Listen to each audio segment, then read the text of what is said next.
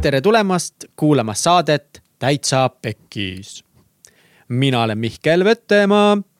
ja mina olen Katrin Hindrikus-Karu. täitsa Pekkis saates me räägime, arutleme või jutustame ja ajame vahvat juttu koos põnevate inimestega, kellel vahepeal läheb elus pekki.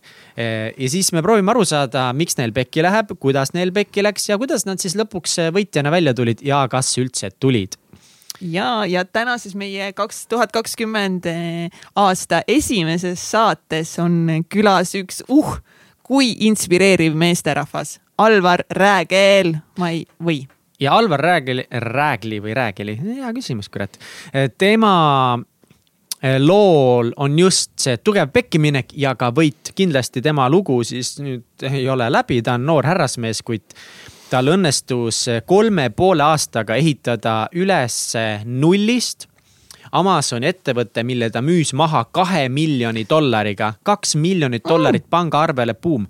ja kõige lahedam selle juures on see, et tegelikult see ettevõte, mille ta maha müüs, suutis kasumit teha sellel hetkel ka umbes kaks miljonit aastaga, kuid ta tundis, et see äri võib olla Äh, mitte kõige püsivam ning ohtlik, tahtis äh, riske maandada, müüs selle business'i maha ning alustas juba uut. Aga ta ei ole alati olnud ettevõtja, tal ei mitte. ole see mingi sülle kukkunud, et ta on nüüd siin kõva ettevõtja. Alvar kindlasti ei ole, nagu tema story ongi nii lahe just sellepärast, et ta on tulnud täiesti nullist tal on väga olnud väga raske lapsepõlv, ta on iseennast üles töötanud eh, kõigepealt siis sportlasena, sõudjana. ja ta oli väga-väga kõva sportlane eh, kahe tuhande kolmandal aastal sai ta U kaheksateist eh, maailmameistrivõistlustel kahepaadis ehk sõudja hõbemedali ja kahe tuhande seitsmendal aastal sai ta U kakskümmend kolm maailmameistrivõistlustel kaheksa paadis kulla, sai maailmameistrivõistlustel kuldmedali ehk ta on väga-väga tugev sõudja oli ja sport üldse tema elus on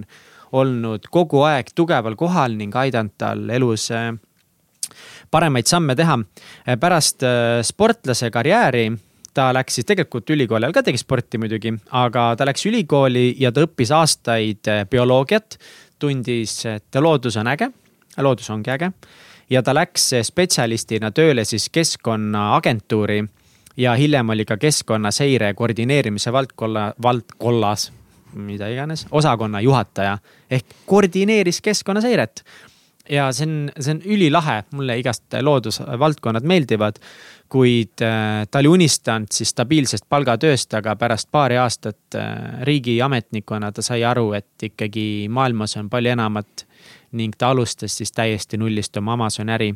kuidas see kõik tal välja tuli, seda saad saatest kuulata ja väga-väga-väga lahe episood tuli meil ja kui see episood nüüd peaksid inspireerima, mida ma nii loodan, et see kindlasti teeb seda, siis jaga seda vähemalt ühe enda sõbraga, keda võiks see samuti inspireerida ja aidata siis julgustada suurtematele tegudele. ja follow muidugi meid Instagramis ka ju. ja siis. head kuulamist. head kuulamist. tšau. tere te olete kuulamas saadet. mul on hea meel, et te siin olete. tšau, täna meil saates Alvar uh,. tere. tere. tere ma otsustasin täna veider olla ja siis äh,. Alvar, kui palju sa piima jõid noorena? Mm, ma arvan, et parimatel päevadel kolm kuni neli liitrit päeva jooksul, sellist head rammusat viieprotsendilist maapiima. ja ma selle peale kohe uurisin, et ma mõtlesin, et noh, et, et missugused lehmad sul seal olid, et mis sa tegid nendega. aga tuleb välja, et äh, mingi normaalne maalehm annab päevas mingi kakskümmend liitrit piima. Ma loodan, et nüüd ma ei mäleta valesti, aga te võite kirjutada või karjuda mu peale, kui ma praegu eksisin. kakskümmend liitrit on mega palju, sa jõid, sa jõid veerand tema piima kõik ära üksi no vot, mis nüüd välja tuleb, et mul kahjuks isiklikku lehma tollal ei olnud, aga, aga ma sain käia rattaga suvilas naabrite juures, et tollal veel olid nagu päris talud ka seal suvila rajoonis ja Pärnumaal ja et äh, siis anti nagu, läksid oma kolmeliitrise purgiga ja said piima aga sa läksidki selleks, et ise piima juua või mingi vanaema või keegi saatis, et mine too perre piima ja sa tuled tühja kankuga tagasi, et mingi oi, neil täna ei olnud. ei, seda juhtus ka jah, siis saadeti uuesti jälle Jesus Christ. aga see selgitab, miks sa nii suur oled. Alvar on väga pikk mees, aga erinevalt paljudest pikkadest meestest, kes on peenikesed, sa oled väga lai ka. jah, et äh, kuidas kommenteerid ei, ei oskagi kohe suhestuda, kas kompliment või mitte, aga nii, nii ta paraku on jah. mis asja, see oli kindel kompliment. kindel. no siis ma tänan. megakindel kompliment. milline üldse sinu nooruspõlv oli? Mm, nii lai küsimus, ma proovin nüüd seda kuidagi võtta. ära proovi, mõtle, mis pähe tuleb esimesena noh, ma arvan, et oli selline üheksakümnendatel üles sirgunud äh, noormehele äh, ajastupõhine, et äh, elu ei olnud tollal lihtne. paljud inimesed tollal olid raskustes selle ajastu üleminekuga, kus üks süsteem oli kadunud ja teine oli tekkinud ja põhimõtted olid muutunud et noh, ma nägin seda enda peres ka, et inimestel ei olnud lihtne ja, ja enda see lapsepõlv seetõttu noh, võib-olla vaata lapsena sa nii palju ei muretse nüüd mingisuguse olme ja raha pärast, et äh, rohkem on selline emotsionaalne ähm, külg, mis äh, loob selle, kas oli tore või mitte, et äh, eks seal oli erinevaid aegu, oli aegu, kus äh, Äh, oli toredam ja, ja teinekord jälle, kus äh, enda vanematel oli nii palju probleeme, et neil ei jätkunud lihtsalt äh, jõudu, energiat piisavalt laste jaoks. kuidas see siis väljendus sinu jaoks? sa, sa, sa lähed kohe väga sügavale, et kohe, kohe siit alguses küsid piima kohta ja nüüd järgmine on juba selline nagu väga sügavale juurtesse tungiv küsimus, et siin praegu mõtlen, et noh, kui sügavale ma siis lähen, et noh te, tegelikkuses, äh, kui ma nüüd räägingi kõik nii nagu oli, nagu peakski saates rääkima, siis oli nii, et äh, ega mu vanaema kui ka ema äh, olid skisofreenikud, et, et noh, see jättis perele päris sellise korraliku jälje ka äh,. noh, nii materiaalselt kui ka tegelikult veel rohkem vaimselt, kui peres on inimesed, kes ei ole stabiilsed ei tule toime iseendaga ja noh, kuna sa oled laps, siis sa tegelikult sõltud sellest, et sõltud sellest keskkonnast, kus sa elad, nendest inimestest, eks ole. Ehm, et ta oli kindlasti raskemapoolne, et noh, kui ma vaatan tagasi sellesse aeda, aega enda klassivende ja õdesid, ehm, ega ma ei saa ütelda, et ma olin kuidagi erand, et ma nägin inimesi, kellel oli raske kodus tegelikult väga palju ja, ja tollal see oli nagu kind of normaalsus. et täna tagasi vaata, vaadates võib nagu isegi naerda selle üle, aga noh, mis tähendab seda, et äh, nüüd peaks nagu selle lapsepõlvega tegema rahu ja tulema sellega toime, et äh, noh, kindlasti kõik, kelle inimesed äh, ma arvan, et miks mul läks hästi, on see, et ma kuidagi, mul oli alati sees mingi energia, tahe liikuda edasi, näha maailma rohkemat, mul oli kogu aeg see tunne, et, et siin on alati rohkemat kui see, mis mul on täna võib-olla siis mõnest teisest, kes jäi oma lapsepõlve olude küüsi. et kui sa nüüd küsid, et kuidas see lapsepõlv oli, siis ma ütlengi, et seal oli erinevaid aegu, mõned neist, mõned perioodid olid väga rasked mõned neist, mida ma mäletan pigem nagu sellise helgema poole pealt. Äh, aga jah, et ma arvan, et see äh, lapsepõlve mõju nagu olnud mu järgmisele edaspidisele elule on noh, väga tugev olnud, et ähm, selline nagu pidev soov kogu aeg areneda äh, juba, juba väga noorest saati, et kuidas see noorena sul kui, nagu väl-, väljendus, just see tahe nagu töötada ja, ja tahe edasi liikuda? ma arvan, et see oli nagu üldine olek, et ma ei võtnud kunagi omaks, et nii on, et see, mis täna on äh, kodus ähm,, need raskused äh,, see noh, korraliku peremudeli puudus äh,, et see peab nii olema ähm, ma ei saa ütelda, et mul oli mingeid eeskujusid tollal. Tegelikult ei olnud, et äh, ma kasvasin veel üles ajastul, kus maailm ei olnud selline küla, nagu ta täna on, et sa võid minna Youtube'i, kuulata, mida miljardärid äh, mõtlevad, räägivad ähm, sa pigem ikkagist elasid nagu selles enda keskkonnas, kuhu sa olid sündinud. et äh, noh, see oli üks põhjus, miks äh, võib-olla too hetk oli nagu raskem äh, liikuda välja, kuna ei olnud nagu neid eeskujusid, et sa isegi ei teadnud, kuida-, noh, kuidas siis peaks mõtlema, et ähm, et noh, kuidas see enda nagu arendamine üldse siis käib ähm,. nii, oota, nüüd ma läksin väga laiali, et ei ole üldse hullu, aga äh kuidas te saite nende raskustega tol hetkel nagu hakkama või kui palju te saitegi, et tänapäeval on nagu, on väga hea on see, et. see, et me elame nagu külas, me saame igalt poolt vaadatagi, et kuidas tema on selle probleemiga hakkama saanud. kuidas keegi tegeleb inimestega, kellel on skisofreenia mm, -hmm. kuidas käituda, mida kaasa võtta endaga, mida nagu, millest mööda vaadata. kas, kas teid aitas keegi tollel ajal mm,? ma arvan, et noh, üks inimene, kes kindlasti mu elus on äh, tugevat rolli mänginud, äh, võtnud ka isa rolli, keda mul ei olnud, oli mu treener, ähm, kes tõi mu trenni.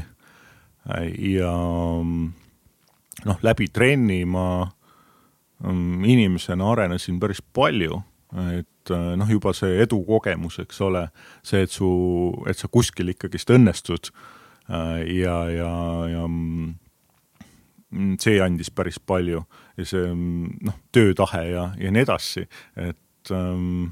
kui noorena sport siis tuli su ellu?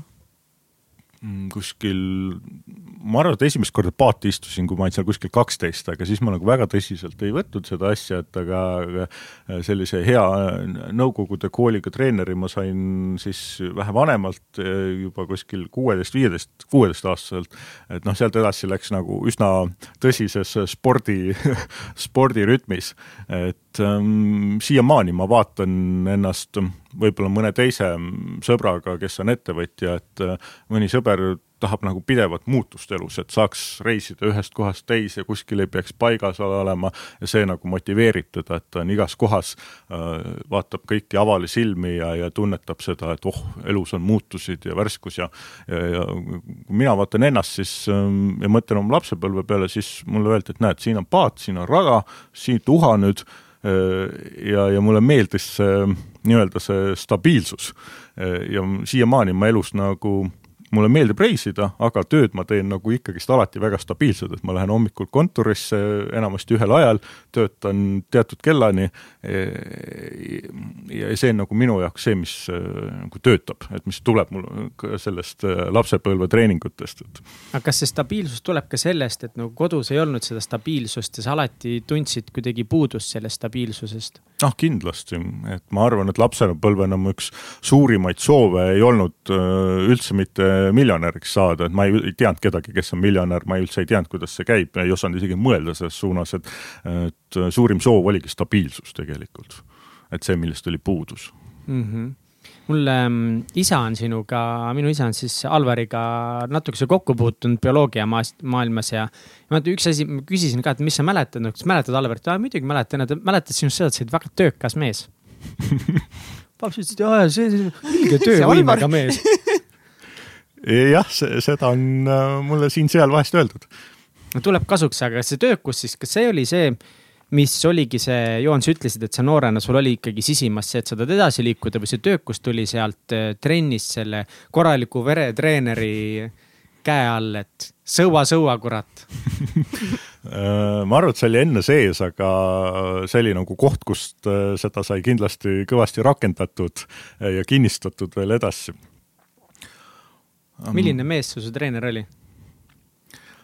noh, kindlasti mees, kes uskus töösse ja ta oli nagu selline kui ma treenerile iseloomustan, siis ta oli nagu väga hea piiride lõhkuja, see oli kindlasti ta üks selliseid tugevamaid omadusi, et äh, muidu aeg-ajalt me ikka nagu kipume iseendale neid klaaslagesid seadma, et oi, et äh, seda ei saa ja siit ei või ja ja et ei, nüüd on ikka liiga raske ja et siin ma pean tagasi tõmbama, et siis ta ikka tegi väga selgeks, et äh, neid äh, piire ei ole, et et sa saad alati push ida veel edasi, et äh, su sees on alati veel jõudu, et et noh, ma usun jälle, et äh, on olnud minu jaoks äh, see pool elus jälle kasulik, et. kuidas ta seda tegi? noh, ütleme. valju hääle ja no, rusikaga vibutades selja taga valju hääl oli ka äh, tööriist, aga noh, eks see üldine kasvatus, üldine suhtumine et ikkagist sust oodet-, oodati palju. Et sellised äh, madalad äh, eesmärgid äh, ei olnud nagu asjakohased, et kui tegid sporti, siis ikka pigem arvati, et sa peaksid olema olümpial ja saama medaleid seal ja, ja ka kõige kõrgemaid. et noh, see oli alati see vaim, milles me trenni tegime, et mm,. et ei olnud nagu seda, et oh, et teeme lihtsalt trenni, et see on kehale ka hea, et kogu aeg ikkagi siht oli väga kõrge. jah. kas see on asi, mille sa oled ka endaga kaasa võtnud kõik sinu tegemistesse?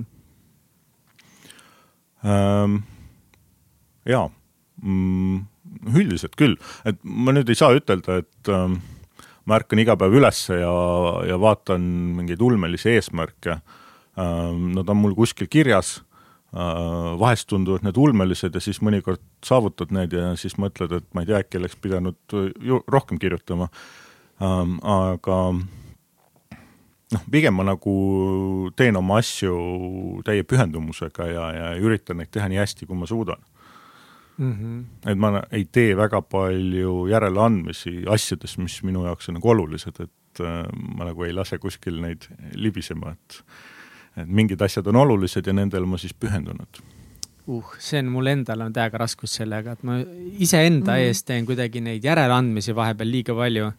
ja kui, kui sa, kui sa endale seda järeleandmist teed, siis on kuidagi noh, pärast on nii sitt endal selle pärast. häbi või halb tuju või et nagu mm on nii? on nii aga sinust pidi, sinust, noh, sinust saigi ju päris tugev eh, sõudja. räägi natuke, kuidas, kuidas see teekond eh, läks ma tegin oma parimad saavutused noorteklassides, kui ma olin kaheksateist ja, ja ka kaks, alla kahekümne kolme aastane. ma olin noorena üsna sarnane kolakas, nagu ma täna olen, et äh, täna ma olen nüüd äh, võtnud pigem siis laiusesse juurde, aga see pikkuse ma sain juba neljateistaastaselt täis.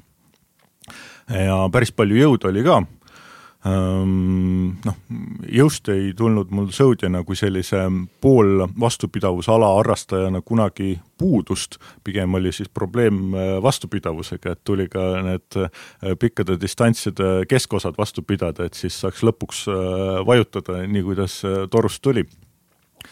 et ähm, noorte, ma arvan, et ähm, minu tegevus sõudmisena mm, iseloomustab lause, et, et äh, nii palju ümber käinud, ma ei tea kedagi teist, kes oleks äh, paadiga, äh, noh, ja samas jälle hiljem peale kõiki neid ümberkäimisi saavutanud üsna kenasid tulemusi, ma ka kedagi ei tea, et kelles oleks see olnud ühendatud, et ma näen seda tihti ka nüüd selles äris, mis ma teen, et, et alguses oli väga palju fail'e ja, ja hiljem oli jälle selline edulugu, mida ei osanud oodata.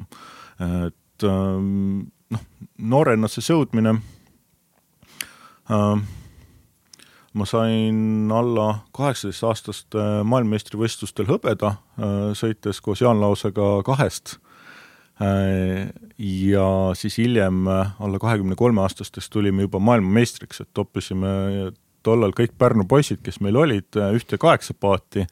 üldjuhul nii väiksed Äh, riigid nagu Eesti, äh, isegi pisut suuremad, tihti kaheksa paati ei sõidagi, kuna neil pole nii palju sõudjaid või kui neil on, siis äh, noh, nad lihtsalt ei pane kõiki mune ühte korvi. et meie seda tegime, alguses lihtsalt proovisime, siis nägime, et kuidagi see sünergia nagu suureneb kui me oleme kõik koos, et eraldiseisjatena me ei olnud maailma areenil midagi nii silmapaistvat, aga töötades kõik koos äh, mida sõudmises tuleb aeg-ajalt ette, et äh, sa paned kokku uue paatkonna, sa ei tea, kuidas, kuidas see asi hakkab minema. mõnikord paned tugevad mehed kokku ja see ei liigu kuskile, teinekord paned keskpärased ja, ja nad on hoopis kõrgemas klassis. et sellist katsetamist sõudmises äh, tihti tehakse ja, ja meie puhul siis äh, see asi töötas väga hästi välja. et me saime mitmeid aastaid maailmameistrivõistlustel käidud, esimesed kaks aastat olime seitsmendad ja, ja siis järsku kolmandaks aastaks oli kõik olemas, et äh, oli tehnika olemas, oli füüsis olemas ja oli täpselt see ilm, mis meil oli vaja. Äh, ehk siis kõik selleks oli olemas, et võista, võita maailmameistritiitel. et siis meil see õnnestus, et. mis tunne, mis tunne see oli? oi, see oli äge tunne, et ähm, oli tunne, et vau, et see kõik tasuski ennast ära, et äh, nagu nii pikki aastaid tegime tööd teadmatuses, et noh, võib-olla see jääbki ainult hobiks ähm,. aga siis järsku ühel hetkel pannakse see kuldne medal kaela, sa saad aru, et, äh, et tõesti ähm,, et äh, võib-olla mingi hetk ei uskunudki, aga, aga nüüd näed, et, et see asi tasus ennast ära ähm,. Kindlasti ta lisas väga palju enesekindlust, sest noh, ma ise pigem sellisest äh, vaesemast perest pärit poiss, et äh, ma arvan, et ma ei olnud lapsena just väga enesekindel, et äh, sport mängis siin rolli, et äh, et kui sa juba näed, et sa oled midagi saavutanud, siis sa hakkad uskuma rohkem endasse ja, ja julged ette võtta ka järgmisi asju elus. see on ülioluline, sest no sa just ütlesidki, et, et oh, et tõesti see töö tasus ennast siis ära mm. -hmm. Te saite seal selle kuldmedaliga selle kinnitust, aga tihtipeale see ei tule nagu noh, ega teil ka ei tulnud kiiresti selles mõttes, aga see ei tule, see ei pruugi tulla aastatega, see võib-olla tuleb kümne aastaga, viieteist aastaga.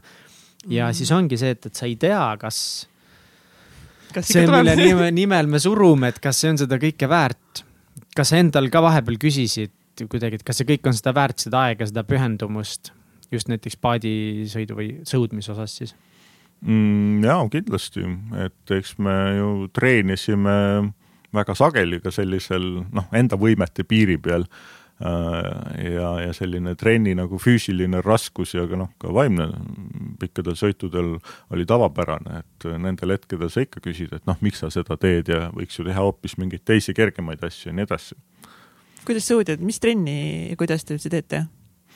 Äh, suvel peamiselt oleme paadis, äh, teeme trenni vee peal, äh, sinna vahele siis mõned jooksud, jõusaali otsad, talvel, kui Eestis sõuda ei saa, siis aeg-ajalt käiakse lõunamaa laagris sõudmas, aga enamasti siis kodumaal, et kui saab suusatada, suusatatakse, ratas sõita, jõusaal, ergomeeter, sõudeergomeeter. et see oli nagu isegi mõnus selle spordiala juures, et äh, oli mitmekülgsust palju.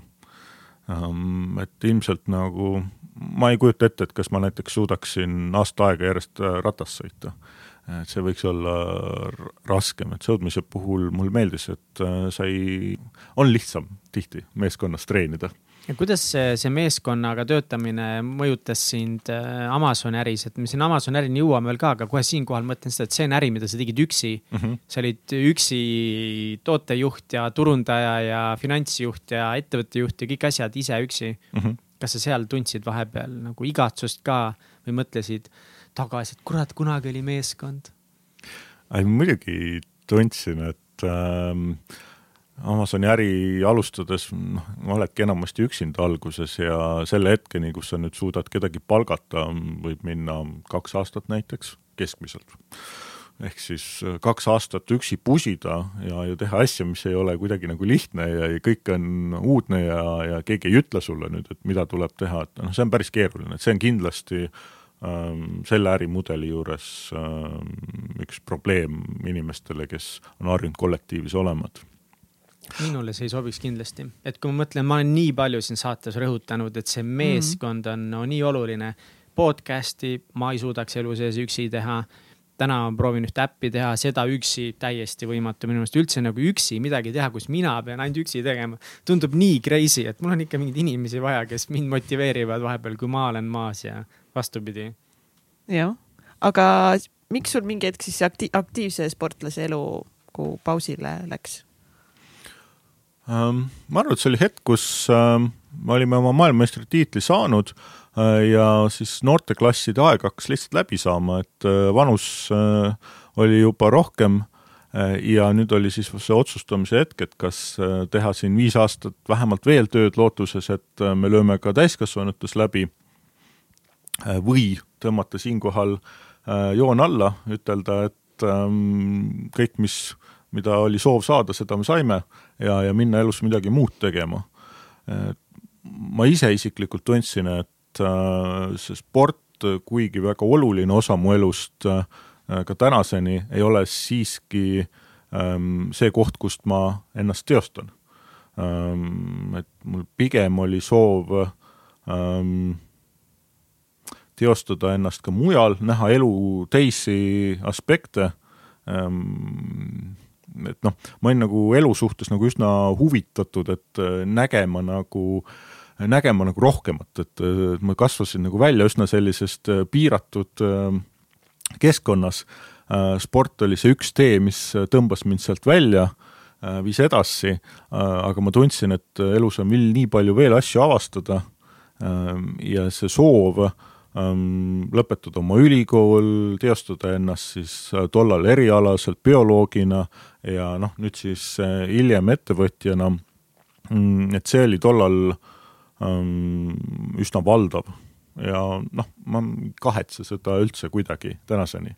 et siiani sport on nagu jäänud äh, ka igapäevaseks äh, tegevuseks ja, ja, ja näen seda aega enda elus äh, väga äh,, väga kasulikuna ja, ja toredana aga kui raskelt see otsus tuli või kas keegi oli kõrval ja ütles sulle, et nagu Alvar, et nagu äkki sa peaksid ikka push ima seda sõudmist ja et sinust on lootust ja? ei, eks neid äh, pikki vestlusi ikka sai treeneriga omajagu peetud, kahtlemata mm,. aga noh, ma olin väga jonnakas ikkagist tollal ja, ja ju see jonn jäi peale ju treener nägi ka, et hea küll, et et kui sa nii tunned, siis mine siis, et, et nüüd sa oled vähemalt saanud oma medalid kätte, et jõudsid vähemalt nii palju oma aja ära oodata, ähm, et said, et äh, need tiitlid ei läinud enne seda ära, kuigi ka mingi hetk tahtsin minna varakumalt hoopis spordist äh, ja keskenduda ülikoolile.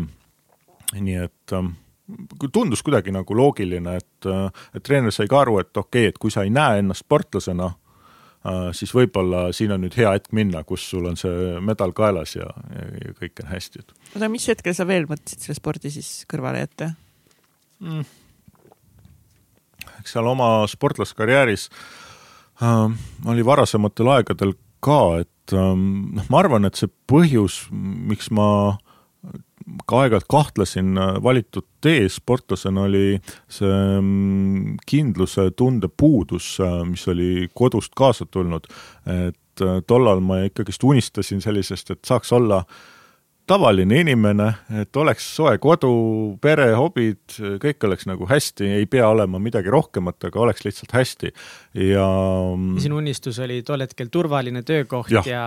jah ja noh, sport ikkagist on nagu üsna niisugune ekstreemne, et äh, noh, sõudmine, tõsi küll, kuulsusrikka kuningliku ajalooga, aga tänapäeval mitte nagu nii massi, massiliselt äh, levinud spordialaga ei paku rahaliselt sellist kindlustunnet, et ähm, et, et sa saaksid seal tunda ennast äh, materiaalselt nagu ka väga kindlustatuna, et sa pead olema tõesti seal ühe protsendi seas. Äh, ja noh, ka seal, eks ole, me teame, et see ei ole kuidagi isegi tiitlimõistlust ja medal ei tähenda, et sa nüüd kindlustad oma elu ära. et äh, see ikkagist tähendab seda, et kui sa saad nelikümmend, et siis sa pead hakkama uut elukutset valima ja see oli natukene hirmutav mulle, et ähm, et kui ma ühel hetkel jõuangi sinna, et ma olen nelikümmend ja ma ei ole elus midagi muud teinud, kui ainult äh, aeru tõmmanud, äh, et kas, äh, kas ma siis ka olen rahul, kui ma pean üle minema kuskile ja tegema mingit muud tööd, mis mulle võib-olla ei meeldi. ja, ja see mõnes mõttes piirab valikud ära, aga tulles korra sinna lapsepõlve juurde veel tagasi, siis sa ütlesid, et, et noh, et nüüd on nagu aeg teha mingite asjadega lapsepõlvest rahu. millega sa pead rahu tegema? Ähm, nagu väga paljudel inimestel on mingisugune süüdistus oma vanematele et vahet pole, et kas on, kas see on olnud äh, turvaline kodu või mitteturvaline kodu, ikka see on, sellest sa saad aru siis, kui sa ilmselt ühel hetkel ise saad vanemaks, et, et kasvata kuidas tahad, pekki läheb ikka, on ju.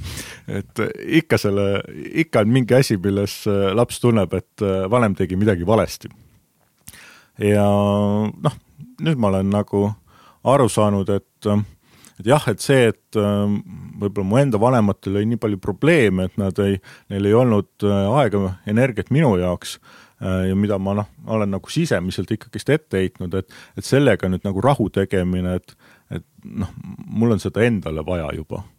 Ähm, et mul on nagu endal inimesena raske edasi areneda, kui ma ei suuda mingite asjadega teha rahu oma minevikus. kuidas teha selliste asjadega rahu?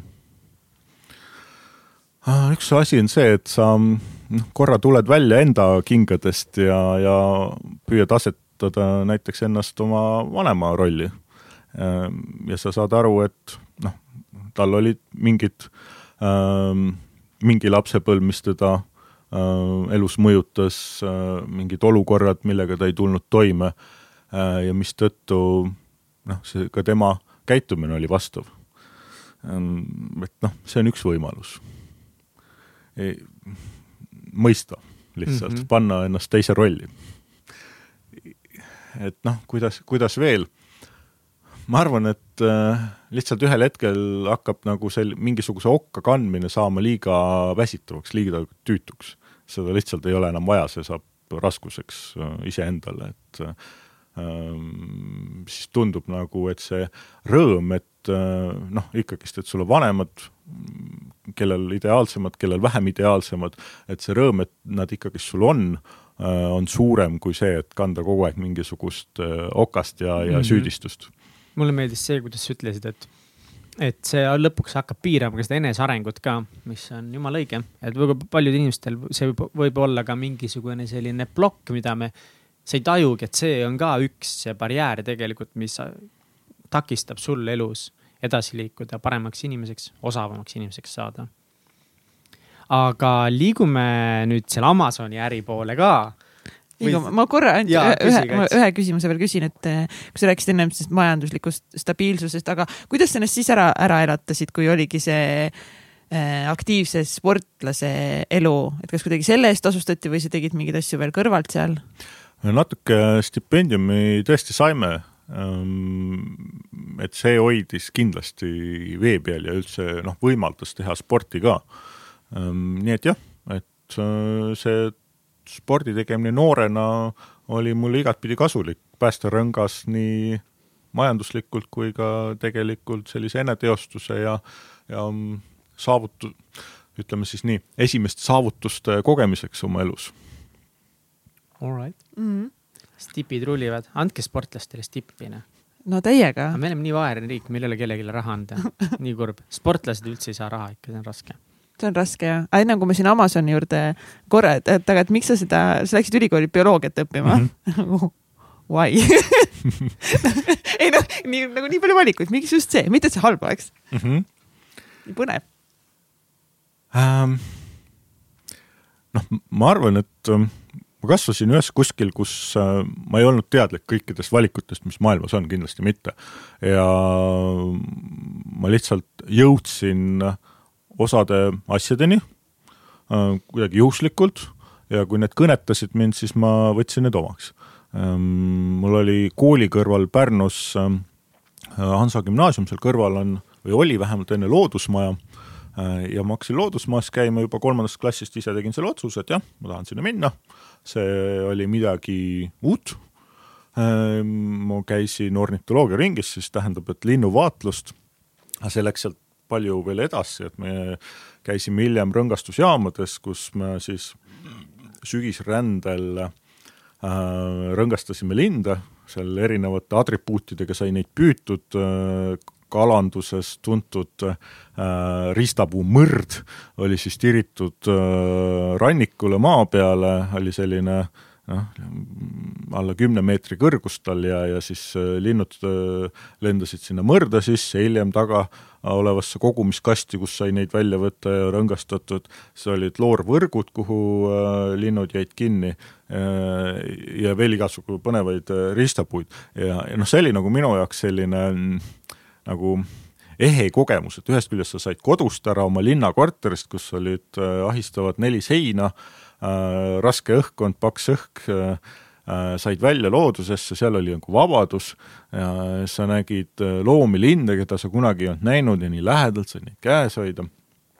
et see nagu oli seiklus ja see oli vabaduse tunne, et ma arvan, et äh, ma läksingi lõpuks bioloogiat õppima selle vabaduse tunde pärast et looduses on vaba olla ja,? jah, jah, et äh, seal sa oled äh, nagu väljas, jah.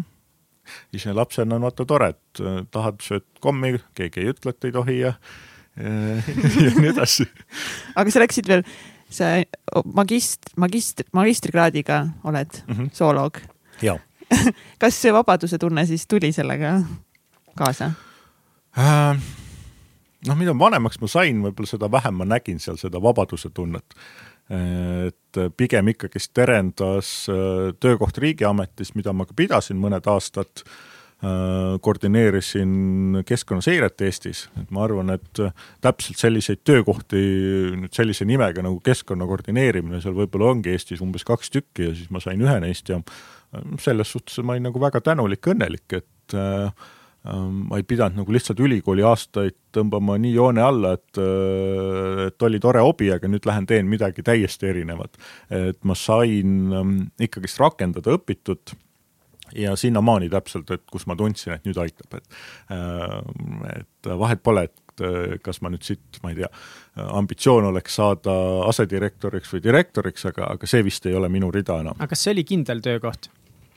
Jah, jah, see oli kindel töökoht. see oli nüüd, sa olid, see oli see, mida sa unistasid äh, nooremana, et stabiilsus, sul oli kindel riigi töökoht, sul oli baka käes, magister käes sihuke hea sportlaskarjäär selja taga, tähendab, sa oskad ennast liigutada, füüsiliselt mm -hmm. aktiivne olla, et sul on nagu kõik olemas no vot, nüüd ma olen juba rikutud et äh, minu nooremale minale oleks sellest täiesti piisanud, see oli jah see, mis ta tahtis, aga siis ma olin vahepeal äh, teinud palju sporti, saanud maailmameistriks, käinud Ameerikas, äh, näinud suuri majusid ja, ja siis ma olin juba rikutud, et äh, ja see, see vabaduse tunne ikkagist oli nagu jäänud sisse, et see kogu aeg nagu otsis ja tahtis midagi veel ja veel katsetada uutes valdkondades.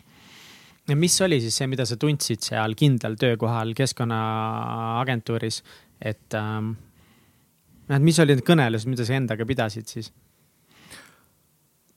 Mm. et sa tundsid, et sa pead nagu ikkagi midagi muud jälle tegema, jälle edasi liikuma või mm? -hmm, jah oli küll, jah. Äh, ma tundsin, et, et ma tahan teha midagi, kus mu osakaal on oluliselt suurem, kus ma näen oluliselt rohkem oma töö vilju. Äh, noh, riigiametis see on teada, et osapooli on palju, äh, kõik midagi koordineerivad, kooskõlastavad ja lõpuks kõik see sumbub kuskile ühtlasse potti kus sa nagu enam täpselt ei näe, et kus siin see sinu algatus oli ja, ja mis selle lõpptulemus oli. et et äh, ma tahtsin teha midagi, kus ma näen, et ma ise ehitan kõike algusest peale ülesse. Ähm, ja noh, eks igatpidi, isegi ka loomulikult ka materiaalselt olid äh, ootused juba kõrgemad. Ähm, aga noh, ma pean ütlema, et ma ei ole nagu elus teinud palju asju nagu puhtalt nagu raha kui selle numbri pärast et jah, mul on olnud äh, rahalisi eesmärke päris kindlasti äh,, aga see on olnud nagu pigem nagu tõestus enda jaoks äh,. Mm -hmm. et äh, noh, nüüd ka, et müüsin ettevõtte ära, ostsin uue auto, et ähm, ma nagu nii väga ei tunne nüüd otsest rõõmu sellest materiaalsetest asjadest uh,. Et... ma küll tunneks uuest autost nii hullult rõõmu peakski tundma peakski tundma. mul oli ühtegi autot, võib-olla sellepärast. et noh, et ta on nagu minu jaoks olnud alati nagu see enesetõestus. et ähm, noh, just tulles jälle tagasi sinna lapsepõlve juurde, et kuskil, kus sul midagi ei olnud, ähm, siis äh, see, et äh, ma olen saanud kogu aeg liikuda edasi väikeste sammudega Äh, aga siiski järjepidevalt ähm, noh, on nagu loonud selle enesekindluse karakteri, mis täna on, et aga me räägime sellest äh, riigitööst veel, et ikkagi, kuidas siis sinu jaoks see riigitööst äh, ja palgatööst, kindlast palgatööst väljumine käis, et palju inimesi on samas kohas, kus hing nagu ihkab midagi enamat, aga hirm võib-olla stabiilsusest loobuda on väga suur. Kuidas sa seda riski maandasid või kas see risk oli suur sinu jaoks, kuidas see käis? Aga ikka hirmul on suured silmad ja hirm hoiab oma vangistuses väga-väga-väga palju inimesi, eriti just siin läänemaailmas, kus muid vangistusi ju tegelikult pole kui iseenda hirm. Uh,. hirm hoiab neid vangistuses ma..., hästi öeldud. ma käisin langevarjuhüppeid tegemas, et enne kui ma riigitöölt ära tulin, ma tegin vist kolm langevarjuhüpet ja siis ma kogu aeg mõtlesin, et nii, ma olen siin ääre peal, vaatan uksest välja, tuul vingub, midagi näha ei ole eriti, öeldakse, et oled valmis, siis sealt kurgu põhjast nagu karjud midagi, jah et ise ka usuks, et oled valmis. kuigi sisemus karjub, et hullud olete peast ja siis hüppad. ja, ja loodad lihtsalt, et see paganama vari avaneb. no avaneb, näed miks sa tegid seda? no selleks, et ükskord minna, panna see lahkumisavaldus lauale ja hüpata niimoodi, et äh, väljas ainult äh, tuul vingub ja midagi nagu ei näe, et kuhu sa nüüd hüppad, aga aga ikkagist hüppad ja loodad, et see vari avaneb, et okei okay,, see on, äh, kuidas lahkuda töölt, hüppa lennukist alla ennem kolm korda jah? ja vaata, mis tunne on.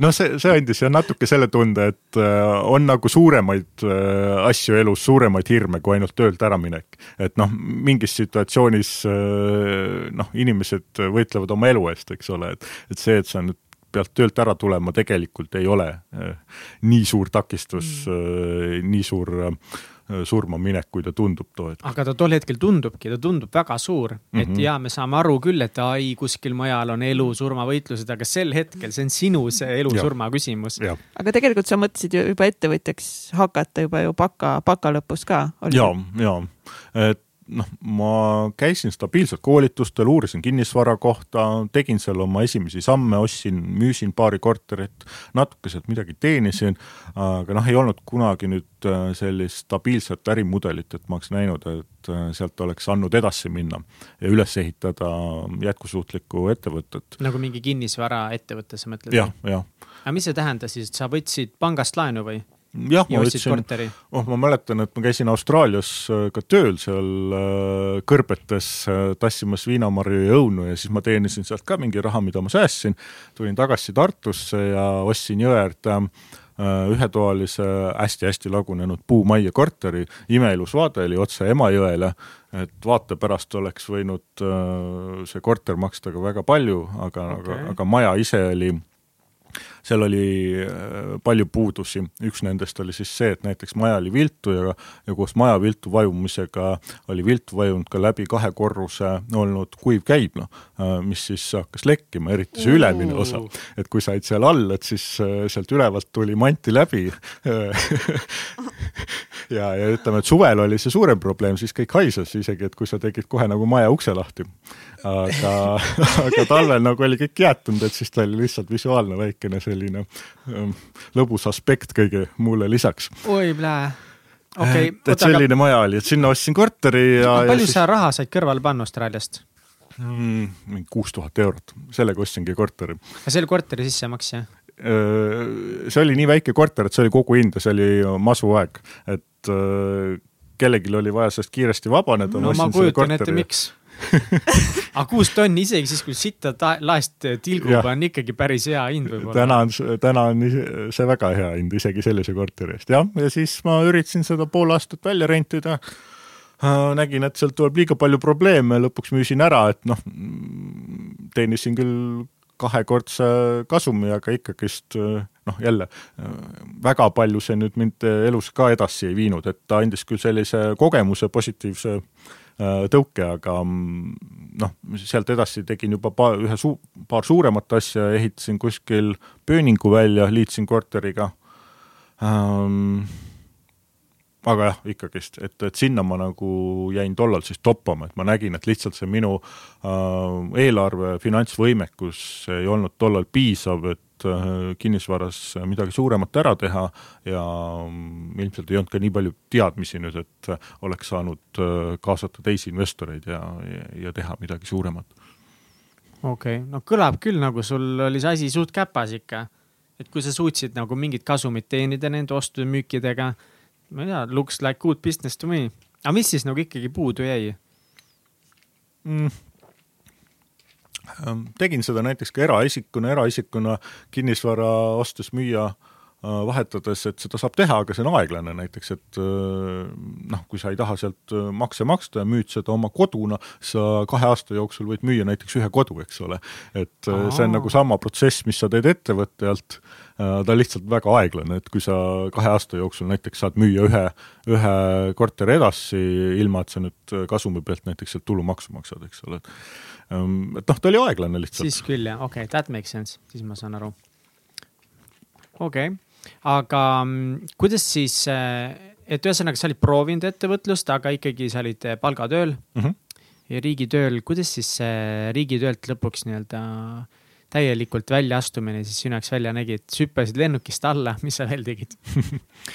Ehm, noh, ma ei hüpanud täiesti tundmatusse, et nii palju ma ennast tean, et äh, ma ei ole see inimene, kes äh, kõige efektiivsemini töötab äh, olukordades, kus surm on silme ees, et ma, mul on sõprade seas selliseid ka.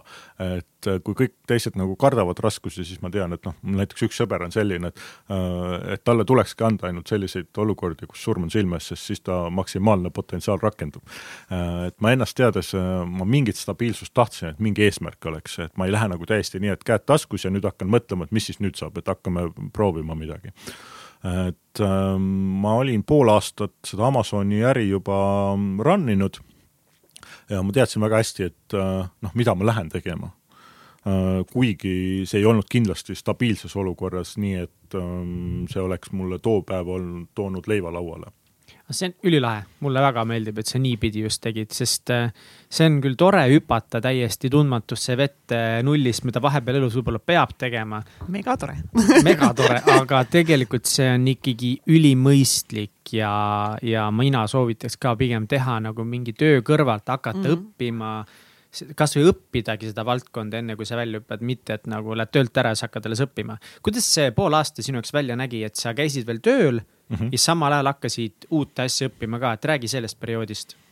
noh, ütleme nii, et oli väga töörohke ja kujutan ette küll, jah. väga vähe sellist äh, eraelu mahtus sinna graafikusse, et kuuest äh, olin ma üldjuhul juba tegin äh, siis nagu enda ettevõtte asju äh,, pool üheksa hakkasin tegema siis äh, neid asju, mis ma riigiametis tegin äh,, kuni siis tööpäeva lõpuni Äh, tööpäeva lõpus äh, tegin ühe trenni, et hoida keha ja vaimu tasakaalus ja siis õhtul kodus tegin siis ettevõtte asju jälle edasi.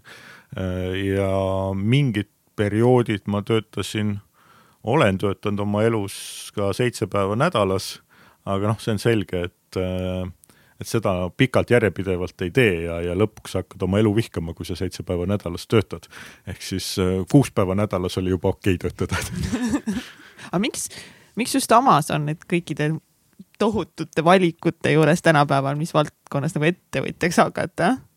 kui ma Amazoni mudeli valisin, ega ma sellest midagi aru ei saanud, et kaubandus oli täiesti võõras teema, internetikaubandus veel hullem äh,, internetis pigem ma olin selline võhik, ma mäletan, ega mul kooliski ei olnud äh, midagi äh, Äh, toredat nendest äh, tundidest ei jäänud meelde, et enamasti ma olin selline sabassörkija. Ähm, ja üldse kõik see valdkond, et ma noh, isegi keeled ei ole mu tugevus olnud ja, ja inglise keeles äh, noh, nii palju kui kõik mind teavad, siis jällegi olin pigem sabassörkija ja ka matemaatika, ma pean tunnistama, ei olnud mu tugevus, bioloogia oli mu tugevus, keemia ja nii edasi, aga need äh, nagu valdkonnad, millega ma nüüd hakkasin selles Amazoni äris tegelema, tegelikkus olid kõik mu nagu pigem nõrkused aga kas see äh, siis keegi sõber oli sul, kes, kes seda kõrvalt, kõrvalt tegi või kust see mõte alg-, algne sinuni üldse jõudis? Äh, sõber tegi kõrvalt, müüs Amazonis raamatuid. Ähm, see mind kohe ei kõnetanud, ähm, kuna ähm, noh, see raamatute müük oli ka pisut selline nagu müra tekitamine, et lihtsalt kirjutati populaarsetel teemadel, lasti kirjutada jutt kokku, pandi see Amazoni ülesse, tollal siis oli igasugune manipulatsioon, tavapärane äriosa, osteti sinna review sid ja noh, alati meeletul suurel Ameerika turul või tegelikult raamatute puhul me räägime ju maailmaturust, sest see ei ole füüsiline toode, seda saab osta igast maailma otsast E-raamatuid siis? E-raamatuid jah mm, -hmm. et ähm, see turg oli lihtsalt nii suur, et äh, kõike noh, peaaegu kõike osteti, hind ei olnud ka suur, seal mõned dollarid äh,, aga kuna ikkagist ostjaid oli nii palju, siis sellega oli võimalik teenida. et mu sõber sellise ärimudeliga alustas äh, noh, ütleme nii, et sellest ma sain nagu veel vähem aru ja, ja et kui ta hakkas rääkima füüsilistest toodetest, siis mul tekkis mingisugune ähm, äratundmine, et äh, see võiks nüüd olla minu jaoks ka. Äh, et füüsiline tuude oli see, millest ma sain aru, seda sai katsuda, eks ole, see oli ainuke asi, millest ma sain aru. Äh, ülejäänud asjadest ma ei saanud aru, aga, aga selline üldised põhimõtted, mis selle äri juures, mida ma ära tundsin, need olid need, mis tõmbasid, et see, et sul on ligipääs maailmaturule mida ma ühelgi teisel ärimudelil siin Eestis ei leidnud tollal Äh, samuti noh, see interneti võimenduse koht, et kuidas sa raha teenid, eks ole, sa lood väärtust, äh, et tahad rohkem teenida, pead rohkem väärtust looma, et kas sa nüüd lood vähestele inimestele väga palju väärtust, et äh, kas sa oled nende ajukirurg või ehitad neile kodusid, eks ole, siis sa lood neile palju väärtust, või sa siis väga paljudele inimestele lihtsalt lood veidikene väärtust, mida siis võimaldas see Amazoni ärimudel, et sa pääsed ligi miljonitele müüa neile midagi, mida nad võiksid vajada. päris cool aga just see algus, et kuidas siis algus sinu jaoks välja nägi, et mida sa tegid siis kell kuus hommikuti, ega sul kohe alguses, sul ei olnud ju midagi veel müüa, kas sa pidid midagi õppima või kuidas sinu poole kohaga ettevõtja elus välja nägi um,? Õnneks tollal Amazon oli rohkem lapsekingades kui täna, tollal Amazoni pigem võeti kõik uued tulijad vastu, et saada sortimendi valik suuremaks äh, ja kõiksugu reglementsioonid ja, ja ka toote kvaliteet, see, et kui mina kaks tuhat viisteist detsember sain esimest korda tootega turule, ei olnud siis äh, nii suur teema, kui on täna mm. -hmm. see tegi alustamise oluliselt lihtsamaks, äh, kuna ma olen selline Äh, rohkem praktik äh, kui oma peas asjade ähm, nüüd äh, ideaalseks lihvija, et, et ma tahan. sa pigem nagu... ei proovinud nagu kõiki materjale läbi lugeda, kui alguses nagu tegema hakata, okei okay. no,. ma toetasin, toetusin oma sõbrale, et äh, mul oli nagu julgust hüpata peas sisse äh, Äh, panna kohe oma säästud kõik letti ütelda, et jah, me tellime siin selle kümne-viieteist tuhande eest neid äh, silikonvorme, et ma ei tea, kes neid ostma hakkab, mina neid ei ostaks, aga et kui sa ütled, et neid Amazonis neid läheb, okei okay.. nii, oota, kas sa, sa tegite koos seda sõbraga? sul oli pangaarvel oli viisteist tuhat euri? jah nii, kas sa mäletad seda päeva ka, kui sa selle ülekande tegid kuskile, mis iganes ettevõttele siis? kus te olite? Kas te olite tema juures kodus kohvikus kuskil? jah, et see sõber elas Tartus, siis ma sõitsin tal Tartu külla äh,. ütlesin, et tead, et ma tunnen, et mul riigitööst nüüd aitab. ta näitas, et mis ta seal Amazonis teeb äh,. sisuliselt äh, siis ma tegin kohe kokkuleppe, et äh, ei, et siin nagu pikalt nagu jokutama ei jää, et muidu on jälle nii, et äh, mõtled äh, analüüs-paralüüs ja lõpuks Aha. ei teegi midagi, et äh, kohe kõik sisse äh,, kohe asetan ennast olukorda, kust enam tagasi tulla ei saa ja et siis läheb lahti. et tegin kohe kokkuleppe, et kuu aja pärast peab saama mm, toote turule et see on nagu üli-ülikiire aeg, et täna, kui keegi Amazonis alustab, küsib, et noh, mis see kõik aega võiks võtta ja nii edasi, siis ma ütlen, et äh, esimesed kaks-kolm kuud tee vähemalt tooteanalüüsi, ära üldse enne hakkagi võib-olla midagi turule viima. Või kui viid, siis vii lihtsalt paar tükki prooviks, et näha, kuidas protsess käib, mitte selle mõttega, et seda päriselt müüa. et konkurents on lihtsalt läinud nii palju tihedamaks, aga tollal nagu selline julge pealehakkamine oli see, mis töötas um,. kas te seal valisite koos sealsamas Tartus tema juures valisite tooted küba välja või? ja, ja kohe valisime kohe samal välja. päeval uh,? ühel, kui ma jõudsin Tartusse, siis oli õhtu, siis enam-vähem pubis nagu lõime klaasid kokku ja ütlesime, et teeme. järgmine päev valisime tooted ja tegelikult juba esitasime tellimused ära. nii et sa kandsid järgmisel päeval viisteist tonni üle ka kuskil ära mm.? jah, järgmise nädala jooksul. okei okay kas käsi värises ka veits või? no ikka, sa ju saadad kuskile Hiina musta auku selle raha ja, ja, ja loodad, et see asi nagu töötab, et äh, värises, aga teisest küljest jälle see soov enda ettevõtet teha ja, ja tulla nüüd sealt riigitöölt ära, see valu seal noh, sellises äh, stabiilses ja ennast ammendunud palgatööl oli nii suur äh,, et see valu nüüd, et teha midagi tundmatut ja võtta need riskid, äh, lõpuks oli väiksem. et see soov ära, ära tulla ja teha midagi ise oli nii palju suurem. mis need tegevused olid, mida sa veel siis nende esimeste nädalate jooksul tegid, et siis eesmärk oli kuu ajaga toode müüki saada? et mida sa tegema pidid selle jaoks? kõigepealt saama selle toote näidis koju. ja mis see toode oli, mille te välja valisite? esimene toode mis ka üllataval kombel pikki aastaid müüs väga hästi, oli silikonist vormid ja need olid veel Star Warsi teemalised, et seal need joodad ja Darth Vaderid yeah. ja nii edasi, äh, nende kujudega.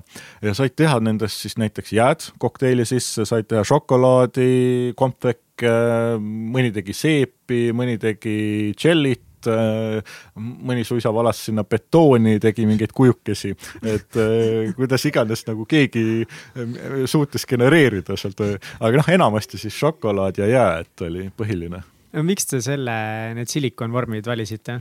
puhtalt numbrite pealt ausalt ütelda, et ähm, noh see strateegia oli ju tollal, kus Amazonis oli juba väga suur liiklus juba puhtalt nende raamatute müügi pealt oli nii palju inimesi külastamas Amazoni ähm, ja füüsilisi tooteid veel seal nii palju ei olnud kui täna ähm,, siis see nõudlus oli juba loodud äh,, aga teisest küljest pakkumist ei olnud veel järgi jõudnud ja kui sa nägid, et keegi müüb midagi, mis iganes see asi siis oli, äh, aga teeb seda nagu väga kehva tootelehega, sa näed, et sa saad teha paremad pildid, parema teksti, sa näed, et tema pealkirjas ja tekstis ei ole juba neid otsingusõnu, millega inimesed äh, toodet võiksid otsida, mis tähendab, et ilmselt kõik, kes sooviksid, võib-olla ei jõuagi selle tooteni, äh, siis sa lihtsalt teades juba, kuidas Amazon töötab ähm,, sa nägid, et äh, sa hakkad sedasama toodet müüma, aga sa lihtsalt äh, teed seda parema kvaliteediga ja internetis äh, tahes-tahtmata sa müüd ikkagist pilte mm. -hmm. et äh, noh, sa, inimene ei saa toodet kätte võtta äh,. kui pildid on paremad, siis toode tundubki parem ja kvaliteetsem okay.. et kui piltides on rohkem emotsiooni, siis inimene on emotsionaalselt rohkem seotud selle tootega um.... ja kõike seda teadis see sinu sõber sulle tol hetkel öelda sest sa ju ise väga palju veel ei teadnud sellest ärist või sa mingid asjad suutsid endale paari päevaga selgeks teha? ei suutnud ausalt ütelda, et äh, mu sõber oli veel hullem riskivõtja kui mina, et tema kõigepealt enne kui ta hakkas midagi vist tegema, siis ta ostis kümne tuhande eest koolitusi.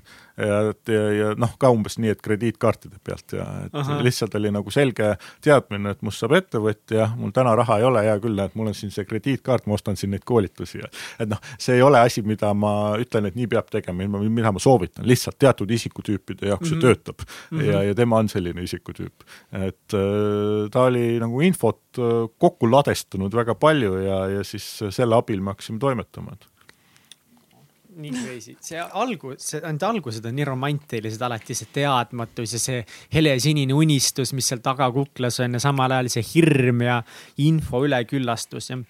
aga ma kujutan ette, et siis eh, mingid näidised pidite endale tellima ka ja, kätte. saime näidised Eestisse, hakkasime pilte tegema, jälle meie kaks bioloogi, sõber lendoravuurija, mina merebioloog läksime äh, nahkhiire uurija juurde, kes ühtlasi oli ka loodusfotograaf ja kes tegi meile tootepildid ära seal sain ka väga palju hoolt ja armastust sisse pandud, elus esimest korda ise tegin šokolaadikompveke, toimetasin köögis usinasti. aga proovisid ikka teha, et kas saab teha kommi? ja ikka, ikka, et noh, juba kasvõi piltide peale saaks äh, rohkem nagu seda äh, tulemust ka, eks ole, et inimene lõpuks tahab ju, ega tal vormi ei ole vaja, et tal on nagu mingit tulemust vaja, et kas neid kompveke või koos lastega tegevust või vaata, kus nüüd siin lõi sellise põhimõttelise olulise infokilla välja ja täpselt, sa ei müü eh, vorme, vaid sa müüd seda rõõmu, mis tuleb šokolaadi söömisest. jah, seda emotsiooni lõpuks. et siis me noh, et, et emotsiooni tõsta, siis me tegime ka neid šokolaade usinasti ja, ja siis käisin kodutarvete poes, ostsin püüdsin mõelda, et milline see tüüpiline ameeriklase keskkond ja, ja lauaserviis on ja siis sealt veel näidiseid juurde, et kuidas neid komme täpselt paigutada, ühesõnaga. et seda hoolt, armastust äh, nagu iga alustaja ettevõtjal on, et seda sai sisse pandud siis, et kõlab ülilõbusalt ja kuigi ma nagu sind on väga vahva kujutada ette mingisse väiksesse kööki askeldama kommikeste ja mingite serviisidega ja. täiega cute. ülinunnu.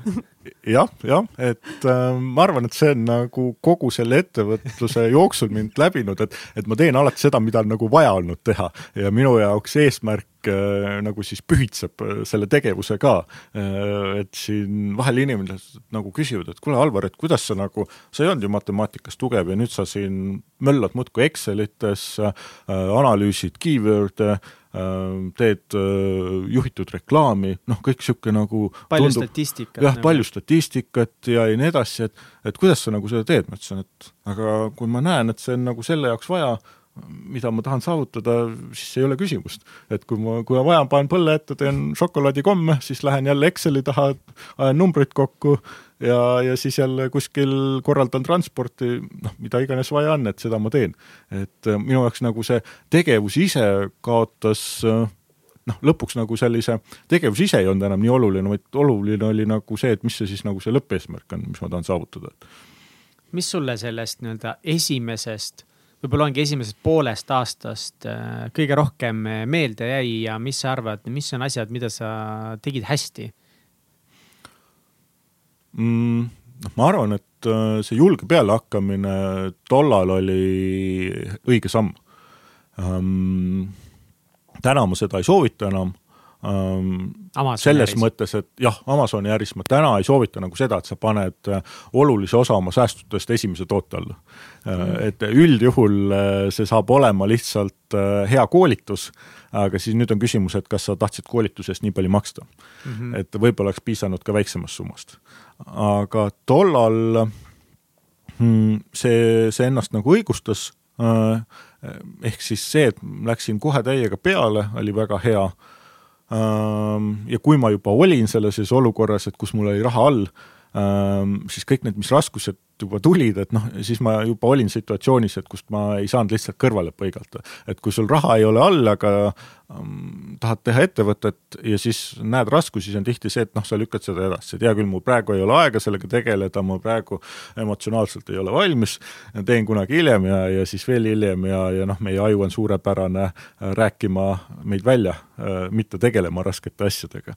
aga kui sa juba oled mingi commitment'i teinud, kas sa oled, ma ei tea, kellelegi luba lubanud, võtnud kellegi ees vastutuse või pannud oma raha alla ähm,, siis noh, ütleme nii, laiskus kaob iseenesest aga mis olid siis esimesed kõige suuremad äh, ämbrid ja vead? probleemid hakkasid äh, siis ilmnema, millised need olid? noh, eks me ühel hetkel hakkasime juba natukene aru saama, et võib-olla see Star Warsi teemaliste vormide müümine natukene rikub äh, trademark'i seadust et sealt hakkas selline pisut kõhedustunne tekkima ja ähm, esimene tagasilöök ilmselt oli siis, kui Amazon lihtsalt panigi toote kinni ja noh, Amazoni puhul ikka on see, et äh, tulista enne, küsi pärast, et kõigepealt pannakse asi kinni ja siis läheb tükk aega, siis alles äh, heal juhul öeldakse, et üldse milles asi on, kui sa neile piisavalt palju pinda käid. ja, ja noh, siis äh, oligi, toode oli kinni, kõik äh, säästud olid seal all valu oli päris suur, sest mitte midagi ei teadnud, miks ja milleks. millal see juhtus, kui kaua sa olid nagu tegelenud selle äriga mm,? ma arvan, et see oli peale sellist esimest paari nädalat müümist. aa, kohe nii kiiresti jah? jah, aga siis sa käisid veel tööl ka või mitte? siis, siis sa käisid veel tööl, jah mm? -hmm.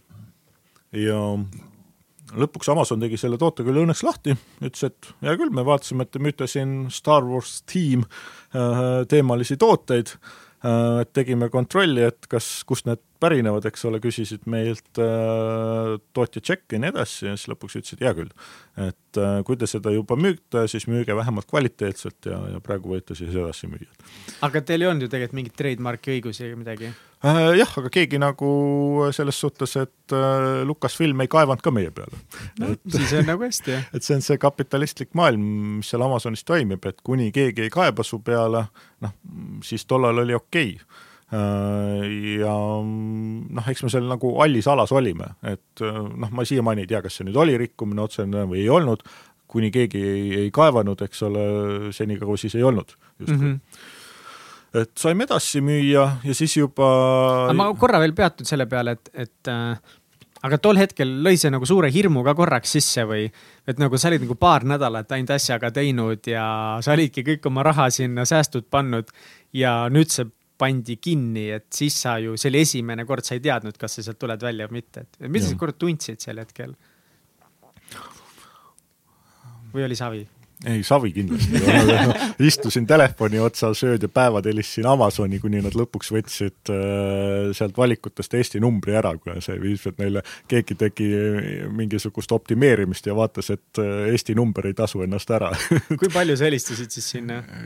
no ikka mitmeid kümneid kordi, et tolle kahe päeva jooksul või? ja, ja, ja no jah, piisavalt, piisavalt palju, et see number sealt lõpuks ära võeti, et et see, see oli põhjus, miks enam äh, kõik Eesti Amazoni müüjad ei saanud äh, helistada otse Amazoni, sest see eestlastele mõeldud number võeti ära sealt, et no ühesõnaga, ma ise arvan, et see võis olla nii, aga äh, noh, mis ma tundsin, ma arvan, et ma elasin nagu sellist oma frustratsiooni siis äh, läbi selle helistamiste välja, et siis mul oli vähemalt võimalus kellegiga rääkida, hädaldada. tõsi küll, et need inimesed seal Amazonis, kes on äh, Äh, esimeses liinis customer support, et ega nad kuidagi sind väga aidata ei saa, et see jutt on ikka nii, et special tiim tegeleb sellega ja äh, vahel nad saavad nagu sealt sisekõnelustest mingit infot äh, sulle anda, aga noh, see ei ole just märkimisväärselt palju, aga noh, mul oli vähemalt siis mingi kanal, kuhu oma frustratsioon suunata mm. -hmm. okei okay no mis siis edasi said, sa said lõpuks oma tooted tagasi müüki, et kaua nad, nad, kui kaua nad olid müügist maas? Mm,? mõned päevad, et okay. see oli üsna selline, ütleme, täna olles Amazoni müüja, ma nagu väga ei pööranudki sellele enam nii suurt tähelepanu, olles juba kõiki neid asju läbi teinud, aga noh, tollal see oli täielik teadmatus ähm,, ei olnud mingit kogemust, ei teadnud, kuidas Amazon töötab ja nii edasi mõnus, mõnus tunne küll, et äkki kõik oli suur viga nii, aga kui sa said oma tooted tagasi müüki, et oli veel nagu selle esimese võib-olla sihukese poole aasta jooksul mingid sellised suuremad vead, mis sa praegu mäletad, mis sa ise tegid? oo oh jaa, et meil oli suur kaklus äh, ühe Hiina müüjaga, kutsume neid Amazonis hijacker iteks. ehk siis äh, justkui nagu keegi, kes su poe või tootelehe ära röövib. et see töötab äh, põhimõttel, et sa ehitad üles tootelehe, investeerid sinna piltidesse, paned hoole armastuse sisse kulutad päris palju raha, et saada need pildid, need tekstid, korjad positiivsed review'd, su tooteleht hakkab ränkima, ehk siis seal Amazoni kataloogis äh, tõusma kõrgemale, kus ta on klientidele nähtaval, sinna tuleb palju oste. Ja nüüd tuleb keegi, kes väidab, et ta müüb samat toodet ja äh, siis noh, listib ehk siis äh, paneb selle enda toote samuti nagu sinu tootelehe alla ja kui ta müüb odavama hinnaga, siis ta saab põhimõtteliselt need äh, ostud omale. aga kuidas ta saab sinu tootelehele panna oma tooteid? Amazon ise soodustab seda, et see on avatud turg Aha, okay. ja kuna ta veel alustas noh, nõnda sisuliselt, et ähm, inimesed müüsid neid white label tooteid ehk siis noh, täiesti ilma brändimata tooteid, et Hiinas müüdi mingit klotsi keegi tõi selle klotsi Amazoni äh,, hakkas seda müüma, ehk siis järgmine, kes samase klotsi tõi, et noh, Amazon ei tahtnud, et nad oleks kõik laiali. Äh,. ja noh, teine asi on veel see, et kuidas noh, Amazon mõtleb sisuliselt või kuidas saada Amazoni loogikast aru, on see, et sa peaksid ennast mõtlema mingisuguseks suureks brändiks, Apple või Samsung või. Ütleme näiteks, et äh, sa oled Samsung ja sa oled tootja. Et sa toodadki neid telekaid näiteks. sul on palju edasimüüjaid ja nüüd äh, üks edasimüüja läheb Amazoni hakkab müüma.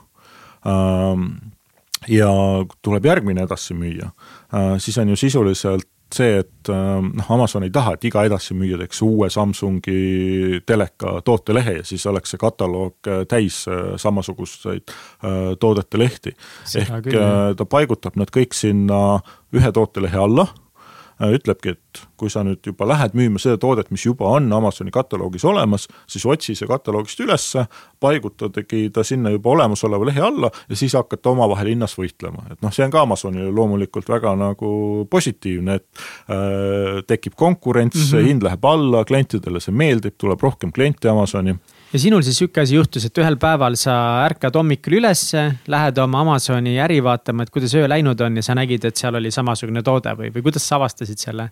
noh, sa näed, et sul ei tule enam müüke, et justkui nagu tooteleht teeb müüke, aga need ei tule sulle ja siis sa avastad, et oo, et kuskil all on tekkinud mingisugune pluss üks müüja, et noh, see ei ole kuidagi nagu suurelt näha, et kliendid ei saa ka sellest tihti aru, et Aha. kelle käest ta täpselt ostab.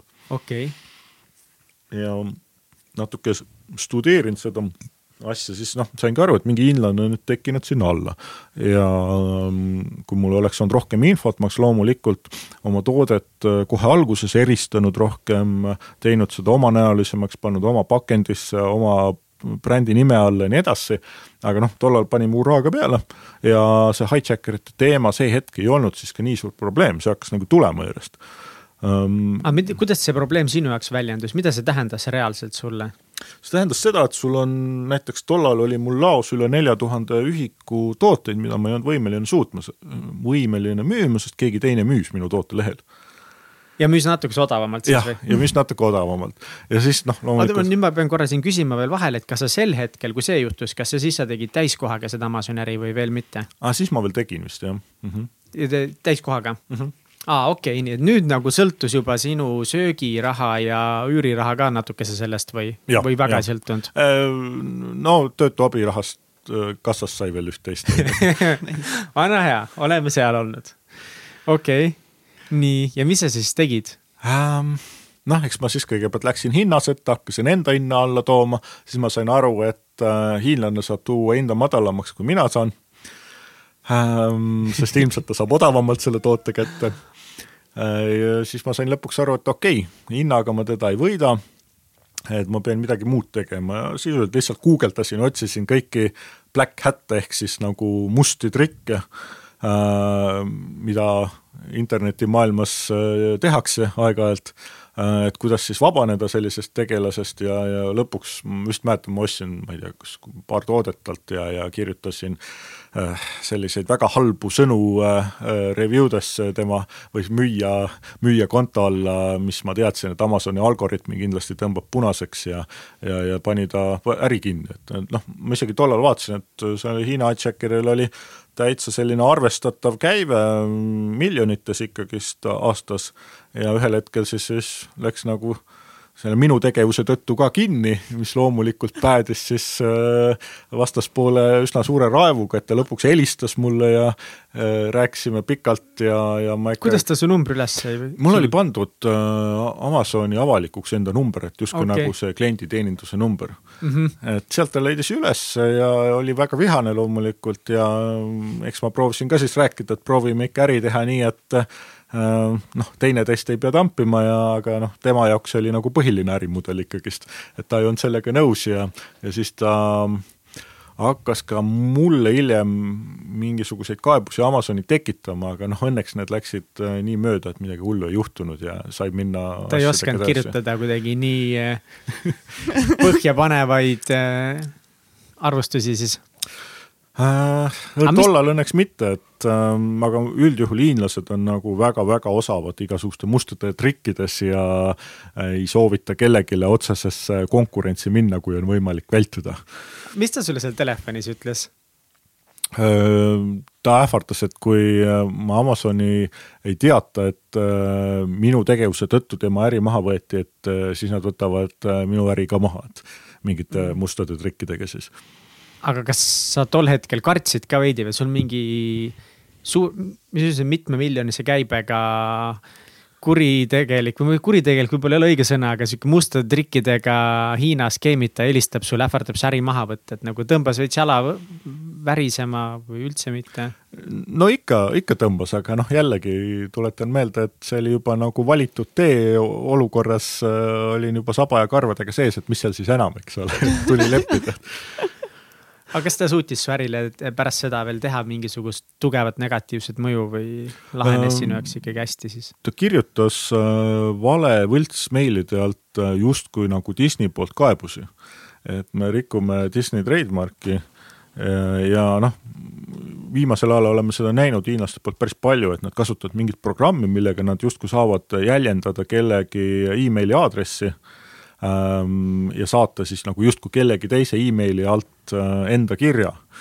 ja Amazonis kahjuks nagu sellised asjad, kuigi seda lihtne avastada, ei tule välja ja siis noh, Amazon nagu reageeribki sellele nagu päris kaebusele.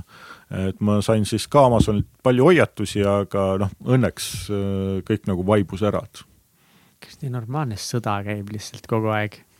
kas te alguses saite aru ka, et kui palju teil päriselt nagu seal käivet on, palju te teenite?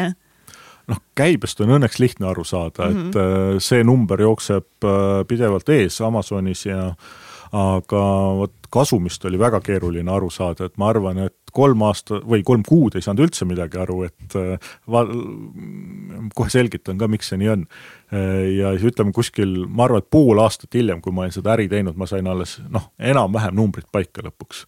et sain ise ka aru, et kas tegevus on äh, kasumlik, kahjumlik ja, ja, ja täpselt kui palju siis, et et see häda on selles, et kui sa ühe korra midagi müüd Amazonis, Äh, noh, siis on üldjuhul lihtne aru saada, et äh, kas see tegevus, äh, kui palju see raha nüüd sisse tõi. et kui sa kümne dollariga ostsid midagi, müüsid neid sada tükki ära ja said vastu mingisuguse rahasumma, noh siis sul on lihtne võrrelda, eks ole, et nii palju maksid, nii palju said. aga nüüd sul Amazonis sa ei müü midagi ühe korra, vaid sa müüd pidevalt. ehk kui sa hakkad midagi müüma, sa tellid kogu aeg juurde, mis siis tähendab seda, et jah, et võib-olla sa müüsid selle kümne dollariga ostetud asja ära, said sellest viisteist dollarit, justkui nagu teenisid ühe toote pealt viis dollarit kasumit, aga kuna sa investeerid kohe järgmisse äh, tootekogusesse ja oma laovarusse äh,, siis see raha ei istu sul mitte kunagi kontol. et see kogu aeg ringluses äh,, ehk sa kogu aeg müüd ja kogu aeg ostad uusi tooteid kogu aeg teed reklaami ja sul on veel mingeid kõrvalkulusid, nii et ilma abistavate programmideta noh, tegelikult on peaaegu võimatu alustajal aru saada, Äh, mis ta numbrid on. ja just see kasum nagu ühe toote põhjal kuidagi või? jah, üleüldine kasum mm., äh, sest kui sa veel müüd nagu mitut toodet, ütleme noh, ühe toote puhul sa saad veel arvestada kokku seda kirvemeetodil. et äh, näed, et nii palju maksin, nii palju sain. aga nüüd, kui sul on juba kolm toodet, siis Amazon noh, paneb nad kõik nagu kokku, sa näed nagu kolme toote müügist saadavat üldkogusummat ja nüüd sul on juba nagu väga raske arvutada, et minna tagasi mingisse perioodi, et kui palju sellel perioodil nüüd müüdi ja, ja, ja nüüd noh, igale tootele nagu lüüa lahku neid numbreid mm, -hmm. et ilma nagu programmideta see noh, sisuliselt äh, algaja ei suudagi seda teha. okei okay., ja kui palju sa käivet tegid pärast poolt aastat? Mm,? me algasime väga suure raginaga pihta, õnnestus täpselt enne jõule saada turule üsna sellise kingitava tootega, et siis olid äh, kohe parimad päevad üldse seal, käivet kolm tuhat dollarit äh, päeva jooksul. Äh, peale jõule loomulikult rauges maha, aga ikkagist müügid jäid stabiilseks. Ähm, nii et ma arvan, et see võis olla seal kuskil alustades ähm, võib-olla kolmkümmend tuhat kuus käivet või midagi sellist aga palju tol hetkel sinu kasum umbes oli sellest? ma arvan, et tollal äh, mul ei olnudki kasumit, et seda ma sain hiljem teada et kõik kulus kuskile ära, noh, üks asi on ikkagi see, et millest tuleb aru saada, et äh, et noh, lõke annab, lõke annab sooja siis, kui lõke on nagu valmis tehtud äh, ja, ja põlema pandud, eks ole, et sa pead alguses sisse investeerima. et äh, tollal me arvasime, et kui me teeme ilusamad pildid, et siis see on juba piisav äh,. siis tuli välja, ahah, reklaami tuleb ka veel maksta alguses, et tõmmata käima see asi ja nüüd äh, lõpuks on need selgunud, et äh, tuleb ikkagist pakkuda väärtust loovat toodet, mis on parem kui konkurentidel.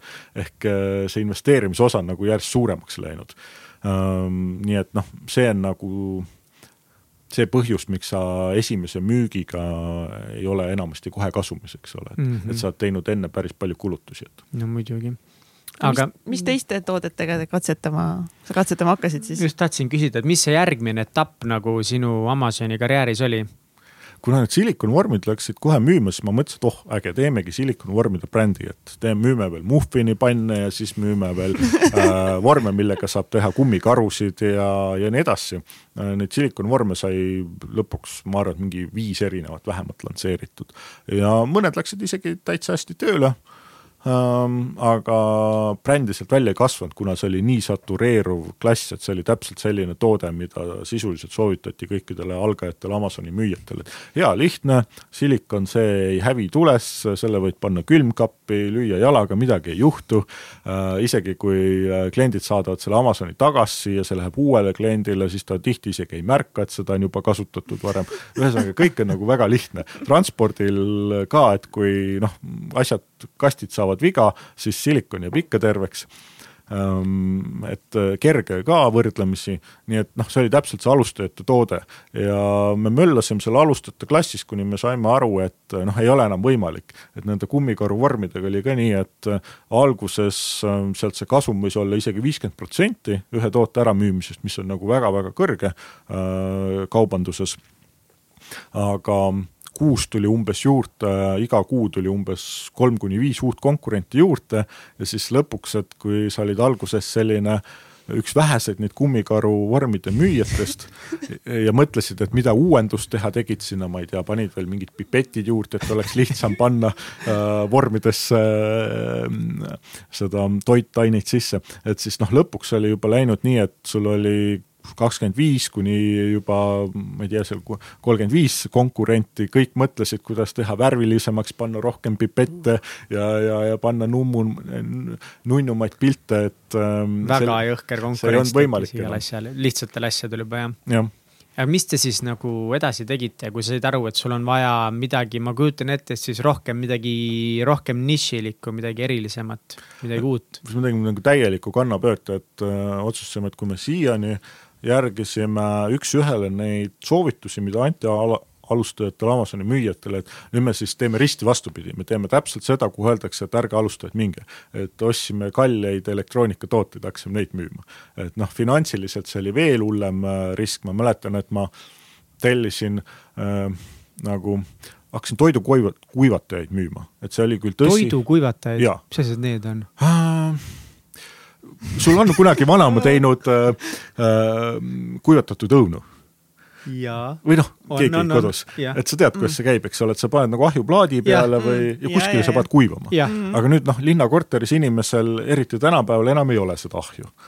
aa, okei ehk ta peab olema elektriline kuivataja, et sa paned äh, resti peale, mis iganes sa sinna paned, tahad kuivatada äh, ja siis äh, mingi masin ajab propelleriga sooja auru õhku laiali ja, ja siis nad kuivavad sellest. kas sellega tegite siis samamoodi, et davai, et need võiksid müüa küll ja panid kõik oma säästud sinna alla ära? no sisuliselt, et seal oli ma ootasin, sa nüüd ütled ei, nüüd ma tegin teistmoodi. seal oli miinimum alustamise kogus oli kas tuhat või tuhat kakssada tükki, aga tooted ise olid kallid ja suured, nii et lõpuks äh, mulle öeldi, et kui sa tahad nagu alustada nende toodete müümisest, siis sa pead tellima konteineri. ja, ja siis tellisingi konteineri. palju konteineris oli? Mm, noh, oligi selline tuhat pluss midagi. ja palju üks maksis mm,?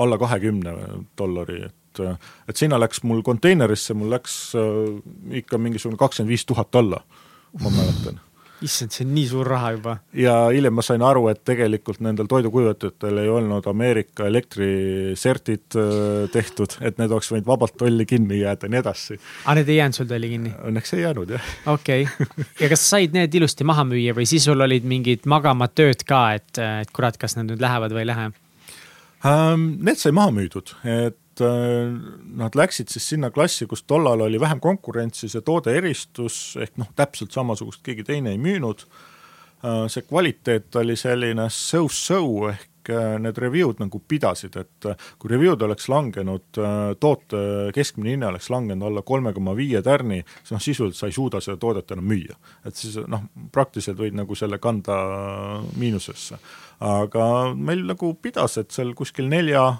nelja poole tärni juures ta oli ja see, sellega nagu sai müüa siis äh, kuni ma lõpuks, äh, ma olin seda müünud vist juba aasta aega, kuni ma vaatasin, et ei, et siin see kasum on liiga väike, risk on liiga kõrge ja siis tuli välja, et näed, sertifikaate ka ei ole ja siis ma lõpuks ütlesin, et aitab siin. mis siis sai, mis oli siis järgmine etapp? Neid elektritooteid sai päris palju müütud, vaakumkiletajad, jällegi Ameerika turg on nagu teistsugune, et äh, nad ju noh, pood on nagu kodust kalli, äh, kaugel, sinna tuleb kaua sõita ja siis nad tihti ostavad äh, suurtes kogustes toitu. Äh, ja suurtes kogustes saab ka allahindlusi, ehk kui sa Ameerikas käid, sa näed, et äh, mingisugune lihakänakas võib olla päris odav, aga kui sa juba ostad neid viilutatud äh, singilõike, et see on nagu kordades-kordades kallim, ehk mm. siis väga paljud inimesed, et säästa, nad ostavad siis suurtes kogustes, kõigil on autod, saab ilusti viia need varud koju ja, ja siis nad vaakumkiletega panevad kotikestesse, jaotavad ära oma portsjonid. Mm.. ameeriklased, neil on ikka kõiki asju vaja. aga kas sinu kõige suuremad äh, väljakutsed Amazoni ettevõtjana tulid äh, lõpuks sinu lõpptootega või sul oli ka seal enne seda meil väga suuri väljakutseid? noh, põhimängu ilu ikkagist äh, lõpuks sündis ja käis ümber selle lõpptoote ehk nende putukapüüdjate, mida ma siis tõesti müüsin miljoneid ja, ja. miljoneid? Uh,? noh, miljoni küll, ma arvan kindlasti. ossa raisk, kuidas sa üldse lühidalt, kuidas selle tooteni jõudsid um,? ma nägin, et ma ei suuda või tol hetkel ei suutnud uh, ise välja mõelda uudset toodet, millel oleks suur nõudlus olnud turul ja siis ma läksin Hiina kohale messile mm kammisin selle messi läbi, see oli ka jälle kõva töö, sest noh, sisuliselt sa otsid ju nagu nõela heinakuhjast. et see Hiina mess on maailma üks suurimaid. mis on, mis mess see on siis? Canton äh, Fair, et seda on juba niisugust Nõukogude aja keskpaigast peetud um, umbes kuuskümmend korda juba vähemalt ja, ja noh, see on selline mess, kus äh, noh, meil ühtegi sellist hoonet ei ole, mida annaks nagu võrrelda, eks ole, et see, see ala on ise juba nii suur, et sa kõnnid, isegi kui sa väga ei uuri midagi, lihtsalt see, et sa kõnnid kõik vahed läbi, ma arvan, võtab kolm päeva aega et sa lihtsalt kõnnid kõik vahed läbi ja, ja nüüd on see, et iga nädal nad tõmbavad kogu selle ala puhtaks ja panevad uued tooted ja nii Uus, kolm korda. nagu tootjad tulevad siis enda tooteid tutvustama? jah, tooted tule-, tootjad tutvustavad oma tooteid ja siis vastupidi, edasimüüjad, brändijad ja nii edasi tulevad mm, -hmm. otsivad siis omale uusi võimalusi sealt davai, davai. et siis ma läksin, otsisin seda ühte säravat nõela sealt heinakuhjast, vedasin iga päev umbes kümme kilo kataloogi hotelli Äh, siis võtsin äh, ühele põlvele arvuti, vaatasin, mis Amazonis müüakse, teisele põlvele kataloogi ja lappasin läbi, et. lihtsalt käisid läbi kõik niimoodi, räige töö. noh, mingi, mingi tunnetus oli juba, et kui ma nägin, et see toode on nagu hästi ähm, tavapärane, et mingeid uuendusi tal ei ole, et siis ma ei hakanud isegi vaatama mm, -hmm, ma otsisin mm -hmm. midagi, ma otsisin midagi sellist ähm,, kus inimestel on vajadus, nõudlus selle toote järele, aga see on uuenduslik. ehk ähm, noh, tal on mingi, mingi lisaväärtus veel, kas või siis Äh, ainult äh, disaini näol, sest noh, disaini on internetis hästi lihtne müüa, ilusaid asju on, on piltidega internetis lihtne müüa. okei okay,, nii, kuidas sul seal Hiinas siis läks? Ähm, lõpuks ma lappasingi, ma arvan, tuhandeid tooteid läbi ja leidsingi selle ühe, et ähm, ega mul rohkem nagu väga valikuid ei jäänudki, see üks oli, ma tundsin kohe ära. kuidas sa teadsid, et see, tundsid kohe ära? jah, sisuliselt küll, et loomulikult mitte nii, et äh, ma nüüd täpselt teadsin, aga, aga see tunne, et, et äh, see asi müüb, äh, oli ka võrdlemisi selge. et ma olin selleks ajaks nii palju juba teinud äh, tööd ja analüüse, et ma nägin ära, et konkurents on võrdlemisi hõre selles nišis, siis et see nišš on kasvav just nagu selliste uuendusliku disaintoodete näol, et noh, on olemas kõiksugu putukapüüdjad, mis ei ole esteetilised panna toas ega kontoris laua peale. Ja nüüd sellised uuemad, mis on teise põhimõttega ja, ja hoopis nagu kaunimad, et noh, neid ei ole täna. Ja minu see toode, mis ma sealt leidsin, selgelt eristub, ta on ägedam ja kogu see nišš on nagu kasvam ja see vajadus on nagu jääv, et noh, putukad ei kao kuhugi. mis see toode nagu oli, kuidas sa lühidalt kirjeldad, mis see teeb? Äh, ta oli mm, põhimõtteliselt siis äh, selline väliselt nagu tumedat värvi tuub, mis justkui meenutas võib-olla Bluetooth kõlarit või, või mingit sellist äh, nooblit elektroonika eset, mis sul kodus laua peal võiks olla aga tegelikult oli siis putukapüüdja, et uue valgusega meelitas putukad kohale, ventilaator tõmbas nad sisse ja noh, sinna alla siis ma veel äh, tegin äh, liimplaadi veel juurde, mis siis äh, nagu aitas nendel putukatel sinna kinni jääda, nii et neil ei olnud võimalust enam välja minna ja siis neid liimplaate said vahetada, noh mis oli üsna lihtne kliendi jaoks. Välimus oli kena ja toode töötas ka, nii et siis ta hakkas väga hästi müüma okei okay,, aga natukese veel tõmmates tagasi, et kui sa Hiinas avastasid, see võiks see toode olla, kas sa siis kohe seal tegid tellimuse sisse või mis edasi sai? oh,. see oli veel väga palju kaotatud aega peale seda, et ma ei saanud tollal, kuna ma võtsin ainult kataloogi, ma ei saanud selle tootjaga otse rääkida, mess sai läbi, siis ma üritasin temaga hiljem ühendust võtta internetis, sisuliselt jändasin kolm kuud, enne kui sain tellimuse ära teha. ikka pikalt. et neil oli hästi kehva inglise keele tase ja neil oli piisavalt suuri müüjaid seal Aasias juba ja noh, neil puudus nagu usk, et äh, minusugune üksik üritaja suudaks äh, midagi olulist äh, korda saata ja suuremaid tellimusi teha. Aa, nii et nad alguses väga ei olnud isegi huvitatud sinuga hullult palju aega raiskama sinu peale kuidagi või? jaa, ei see oli pikk vaev ja töö jõuda üldse sinnamaani, et saaks tellitud ja asjad tehtud ja teele pandud. miks nad lõpuks andsid sulle siis? mm,? no eks ma olin piisavalt järjepidev ja. järjepidevus jälle tuleb välja kui suur see esimene tellimus oli äh,? oli ka tuhat toodet, aga noh, õnneks see toode ei olnud nagu kõige kallim, et oli kümme dollarit. Aga noh, jälle ikkagist, et äh, räägime siin jälle sellisest äh, kümme tuhat dollarit tellimus pluss laevaga saates äh, vähemalt kaks pool tuhat transpordikulu, siis noh, kokku kaksteist pool tuhat vähemalt miinimum Äh, pluss siis kõik muu sinna juurde, pildid, äh, tuled, viled mm. -hmm. ehk siis äh, jälle juba selline summa, mida ma täna ütlen algajale, noh, tollal ma küll ei olnud algaja enam, aga kui täna algajat peaksin juhendama, siis jälle see summa, mis ma ütlen, et ära seda võib-olla esimesse tootesse pane. ja kes Amazoni äriga väga palju kursis ei ole, siis neid tooteid, mida sa seal tellid, sa ei tellinud kunagi tegelikult endale kuskil Eestisse lattu, vaid need läksid siis kohe kuskilt Hiinast otse Ameerikasse jaa, kohe Ameerikasse mm -hmm. tollist läbi ja Amazoni lattu enamasti mm -hmm.. okei okay,, kui kaua sa müüsid neid putukapüüdjaid ähm,? paar aastat. paar aastat? jah ja mis olid äh, kõige suuremad äh, väljakutsed sinu sellel paari aastal putuka müümise karjääris? Äh, neid ikka jagus, et. putuka müümisega rääkis, mis asja, putuk, sa müüsid putukaid juba. ei no juba müüd putukaid. juba vist mingi uus business, äkki võiks seda hakkama tegema vahest äh, oli mõni putukas ka jäänud äh, sinna püüdesse kinni, kui mõni klient tagastas ja siis, siis olid ikka järgmised kliendid juba väga pahased, et, et tuli ka neid putuka müümisi ette aa, no, no näed, ma ei eksinud. nii neid suuri väljakutseid, noh, eelkõige oli, oli kaks sellist äh, elumuutvat sündmust, äh, kaks talve, kus kõik nagu korraga jooksis kokku, et äri pandi kinni üle nelja kuu, elukaaslasest läksin veel lahku ja, ja siis sain sellised mäletan neid äh, pikki talveöid, kus lund ka ei olnud, pikalt siin Nõmme mändide all jalutatud äh,, otsitud seda sisemist äh, tasakaalu ja jälle järgmine hommik kontorisse mindud ja edasi töötatud. miks need tooted maas olid neli kuud? see oli nüüd esimene talv, mis esimene talv juhtus esimene siis? esimene talv jäid nad lihtsalt tolli kinni, et siis selgus, et äh, mingisugune number on ikkagist äh, veel peab tootel olema, mida mul ei olnud, lihtsalt selliseks arvepidamiseks Ameerikas, et kui palju tuuakse ähm, erinevaid kahjuritõrjevahendeid maale, seda tollal ei olnud. Äh,, lubasin selle siis hästi kiiresti hankida. äh,, Äh, kohe võtsin, palkasin advokaadi, see hakkas äh, numbrit taotlema, ütlesin tolli ka, et hoidke natuke veel sees, et kuu aja pärast saan kätte ja siis paneme peale, kõik korras, seadus täidetud ja ma ka elus ja aga lõpuks ikka selgus, et asjad nii ei käinud, et äh, nagu need riigiametid on ja suured süsteemid töötavad väga aeglaselt Äh, ei ole ka just kuidagi sellised vastutulelikud äh, nii et ähm, noh, enamus ähm, kõik probleemid, mis mul on olnud selliste suurte asutustega, on see, et äh, kuna asjad jäävad venima, siis see probleem alati läheb väga palju suuremaks võrreldes sellest, mis ta algselt justkui tundub. kui oleks saanud kiiresti ära lahendada, aga ja. mida see sinu jaoks tähendas, et sinul said tooted otsa, mida müüa?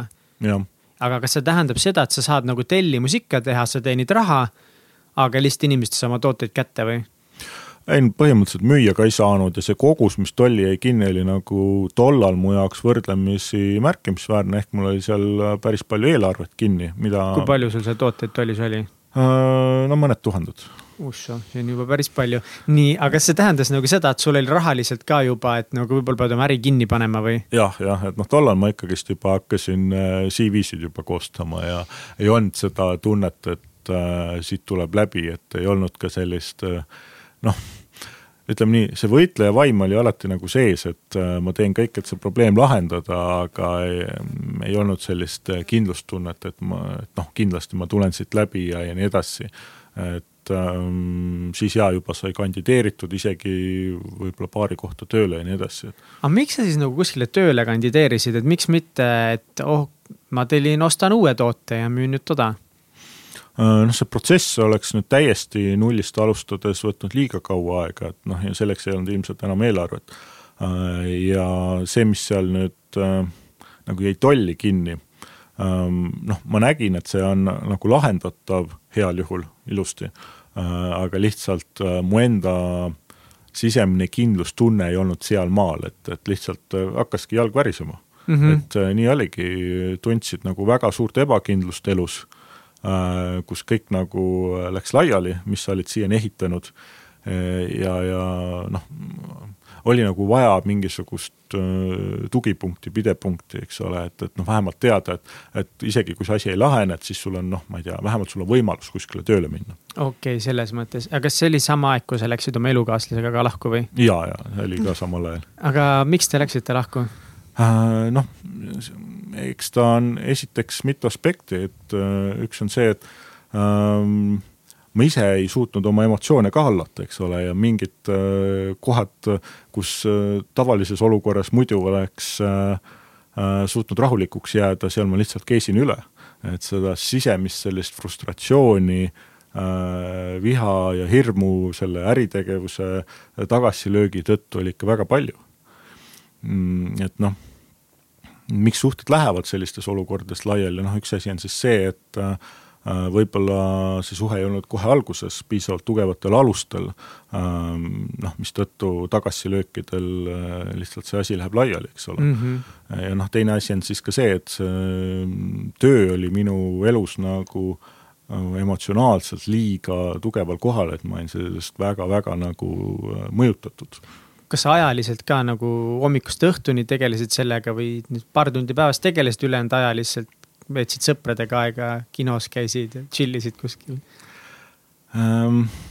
No e eks ma ikkagist tegelesin, et äh, enamus aega ma tegelesin nii palju, kui ma suutsin tegeleda. vahel on lihtsalt see, et emotsioon lööb äh, üle pea kokku ja siis sa saad aru, et äh, noh, selles staadiumis enam midagi asjalikku teha ei ole, et et nüüd on nagu variant, et kas sa siin istud edasi monitori taga ja üritad teha nägu, et sa midagi teed, aga noh, tegelikkuses lihtsalt viid ennast veel nüpeldad ennast või, või materdad teisi, rikud suhteid teistega või viid ennast veel madalamale äh, emotsionaalsele tasandile, et äh, noh, siis lihtsalt äh, oli ka neid hetki, kus äh, läksin koju ära, vaatasin õhtu läbi Netflixi, järgmiseks päevaks oli jälle nii palju stabiilsust, et sai juba minna tagasi ja tegeleda probleemi lahendamisega. aga kas sa tundsid ennast selles suhte lagunemises ka süüdi? Et äh, noh, võib-olla see süütunne too hetk ei olnud äh, põhiline. Ähm, et noh, tollal ma arvan, võib-olla põhiline emotsioon võis olla just see nagu see viha, et sa oled nii palju kuskile endast andnud selle ettevõtte näol ja noh, lõpuks keegi isegi ei viitsi sind ära kuulata ega mitte mingilgi moel sulle vastu tulla. Äh, noh, just pean siis nagu silmas seda USA tolli poolt äh, too hetk näiteks, et ähm, et noh, ma arvan, et see oli see frustratsioon ja viha kõik, mis äh, sees nagu kees uh,. kas sa olid siis tol hetkel olid vihane inimene oh,, vihane ja kibestunud inimene? jaa, kindlasti, see hetk ma olin nagu selles äh, viha staadiumis, et äh, noh, ma ütlengi, et äh, mingi hetk nagu sai neid emotsioone panna, pühkida nagu vaiba alla, et mingi hetk, kui sa tunned, et need nagu, äh, sa enam neid ei halda, eks ole, et äh, lihtsalt ei suuda, et noh, siis ongi, et kas vaatad seda Netflixi või, äh, või lähed siis sõprade poole midagigi helget. Kui juba nagu energiat tuli rohkem, et siis juba kohe kiiresti taastasin oma trennis käimise rutiini. Äh, et noh, trennis käimine on ka selline asi, mis ikkagist annab neid igapäevaseid väikseid võite, et sa kas või teed oma trennikava ära, tunned jälle, et midagi sa ikka suudad mm. -hmm. et sa, ja teine asi, et noh, sa mängid seal iga päev seda äh, valu ületamise mängu ka ju trennis läbi, et sa lähed trenni, sul on mingi hetk kuskil on raske ja aga siis sa ikkagist teed oma asja lõpuni ja, ja sa jälle tunned, et noh, sa suudad ennast kontrollida ja sa suudad tulla raskustest üle et noh, kindlasti selline stabiilne trennis käimine on ka üks asi, mis on aidanud mul äh, mitte päris põhja, aga kõige raskematel hetkedel langeda, et päris apaatiasse ma õnneks pikalt pidama ei ole jäänud kunagi. Äh, et kuskile sellisesse seisundisse, kus ma enam ei usu, et ma üldse midagi suudan teha, mis ma üldse teen, vahet pole, nagunii elu mulle ei naerata, et noh, neid hetki, kui need on tabanud, et siis ma olen lihtsalt äh, võib-olla tõesti too hetk läinud, teinud midagi muud, lülitanud korra selle asja välja ja ja, ja hakanud siis äh, uuesti asju lahendama, kui on juba mm, olukord enda jaoks stabiilsem. noh, muidugi selge on see, et äh, ega sellist vaiba alla pühkimist me äh, teeme ju inimestena kogu aeg et see ongi üks põhiline viis, kuidas me inimeste raskustega toime tuleme, et me äh, lihtsalt äh, väldime neid emotsioone, surume alla ja nii edasi, et ega nad ju ära ei kao, et äh, nad jäävad alateadvusse, sealt edasi nad mõjutavad igapäevast elu purskuvad välja mingi hetk, kui miski asi neid jälle trigerdab mm, -hmm. siis me nagu laseme selle surve jälle välja täpselt sinnamaani, kus jälle võimalik gaas peale panna, edasi elada. aga noh, kõik see jääb sisse et äh, nüüd ma siis olen nagu üritanud äh, tulla tagasi ka nende vanade emotsioonide juurde, kogeda neid lihtsalt, äh, lasta nagu neil maanduda, ilma et ma neid kuidagi alla suruks, ilma et ma neid hindaks. oled tõstnud vaiba üles ja otsinud üles nad sealt? jah, ja lastud kollid vaiba alt välja, et noh, see on selline valus ja hirmutav, et keegi ega neid kolle ei taha ju näha, on ju. aga teisest küljest jälle see on nagu ainus tee, kuidas ka nendest äh, kuidagi vabaneda või lahti saada või rahu teha nendega, et, et noh, ma nüüd, nüüd ma nagu üritan seda, et kui ma kohe ka ei suuda emotsiooniga tegeleda, et siis ma lähen hiljem võib-olla selle juurde tagasi, üritan korra aru saada, et mis see emotsioon on, mis see nagu põhiolemus on, kust ta tuleb. noh, siis tihti saad nagu aru, et ähm, ega sellel hirmul või vihal nüüd nagu sellist väga ratsionaalset põhjendust ei olegi. et see isegi tundub nagu noh, üsna tobe, kui sa nagu hakkad seda hindama nüüd, et, et kas üldse on seal põhjust ja, ja noh, seeläbi nagu on ka lihtsam sellest vabaneda, et siis ma lihtsalt noh, olen lasknud selle emotsioonil olla endas nii kaua, kui ta on, siis ta mõnikord muundub jälle, hirm läheb tihti vihaks ja me noh, ei ole seda nagu viha ka kuidagi alla surunud, et lasknud ka sellele endas siis senikaua olla, kuni ta jälle liigub kuskile äh, kõrgema, helgema energiatasandile, et noh, lihtsalt nagu mitte lasta nendel emotsioonidel endasse kinni jääda äh,, neid alla suruda, seda energiat kuskile äh,, kus ta järje lihtsalt ootab järgmist vabanemist, aga lihtsalt nagu lasta see nagu see energia või emotsioon endast läbi ära ja, ja noh seeläbi ka nende järgmiste raskustega tulla elus nagu lihtsamini toime mm. et noh, mis see raske hetk ikka on, et on, ega see olukord äh, oma füüsiliste parameetritega ei ole tavaliselt äh, raske, raske on emotsioonid, mis me ise tekitame endale, et et noh, ma mäletan tudengina mul oli äh, esimese aasta lõpus äh, viimane nädal, nii et ei olnud enam toiduraha ja ja siis käisin sõprade poolt söömas ja, ja kapis sõin viimased kaerahelbed ära, mitte midagi ei olnud lõpuks enam, mäletan viimane päev jõin lihtsalt vett, äh, olin veel seal tudengipraktikal, aga jube lõbus oli. sellepärast, et ma ei oodanud midagi muud, et see oli nagu selline tudengiromantika, et näed, et midagi ei ole. Ähm,, aga vaatamata sellele, et me teeme oma asju ja, ja, ja on selline lõbus ja noored inimesed äh, ja mul on ainult helged mälestused sellest. Versus nüüd, kus ma mõtlen hilisematele perioodidele, kus mind on tabanud rahalised tagasilöögid, mul pole iialgi olnud sellist olukorda, et ma ei saa süüa osta, rääkimata sellest, et mul pole isegi enam koerahelbeid kuskil vedelemas äh, ja alati see on seotud meeletu valuga. sest noh, mu enda ootused on, eks ole, ja enda ego on see, mis ütleb, et äh, nüüd peaks olema palju rohkem ja nii edasi, et noh, see valu on alati, alati olnud see, mis ma ise, ise loon endale nii hästi öeldud. väga hästi öeldud. aga ikkagist siis eh, need tooted said ikkagist oli, paistis ikka helge lõpp. jah, et äh, tooted said tagasi Amazoni, hakkasid kohe raginaga müüma ähm, noh, ma arvan, et see neli kuud siis olid, olid neli kuud maas. oli maas jah, et äh, neli kuud siis mõtlesin elu järgi ja, ja, ja siis äh, üritasin neid tooteid saata jälle Hiina tagasi, saime jälle numbri peale ja uuesti jälle Ameerikasse ja, ja uuesti turule. kui sa uuesti turule said oma tooted ilusti müügile, kui palju siis sul see kasum nende toodete jooksul oli kuus umbes keskeltläbi ütleme nii, et see protsent tootelt oli kuskil selline kakskümmend viis protsenti, mis on väga viisakas no,. ja kuna see need müügid järjest kasvasid, kasvasid, kasvasid, siis noh, tippperiood oli ikkagist üle kahesaja tuhande kuus kasumit, et kasumit või? jah, et siis. Nice. need olid need hetked, kus ma mõtlesin, et näed, et ma enne teenisin riigitööl tuhat eurot.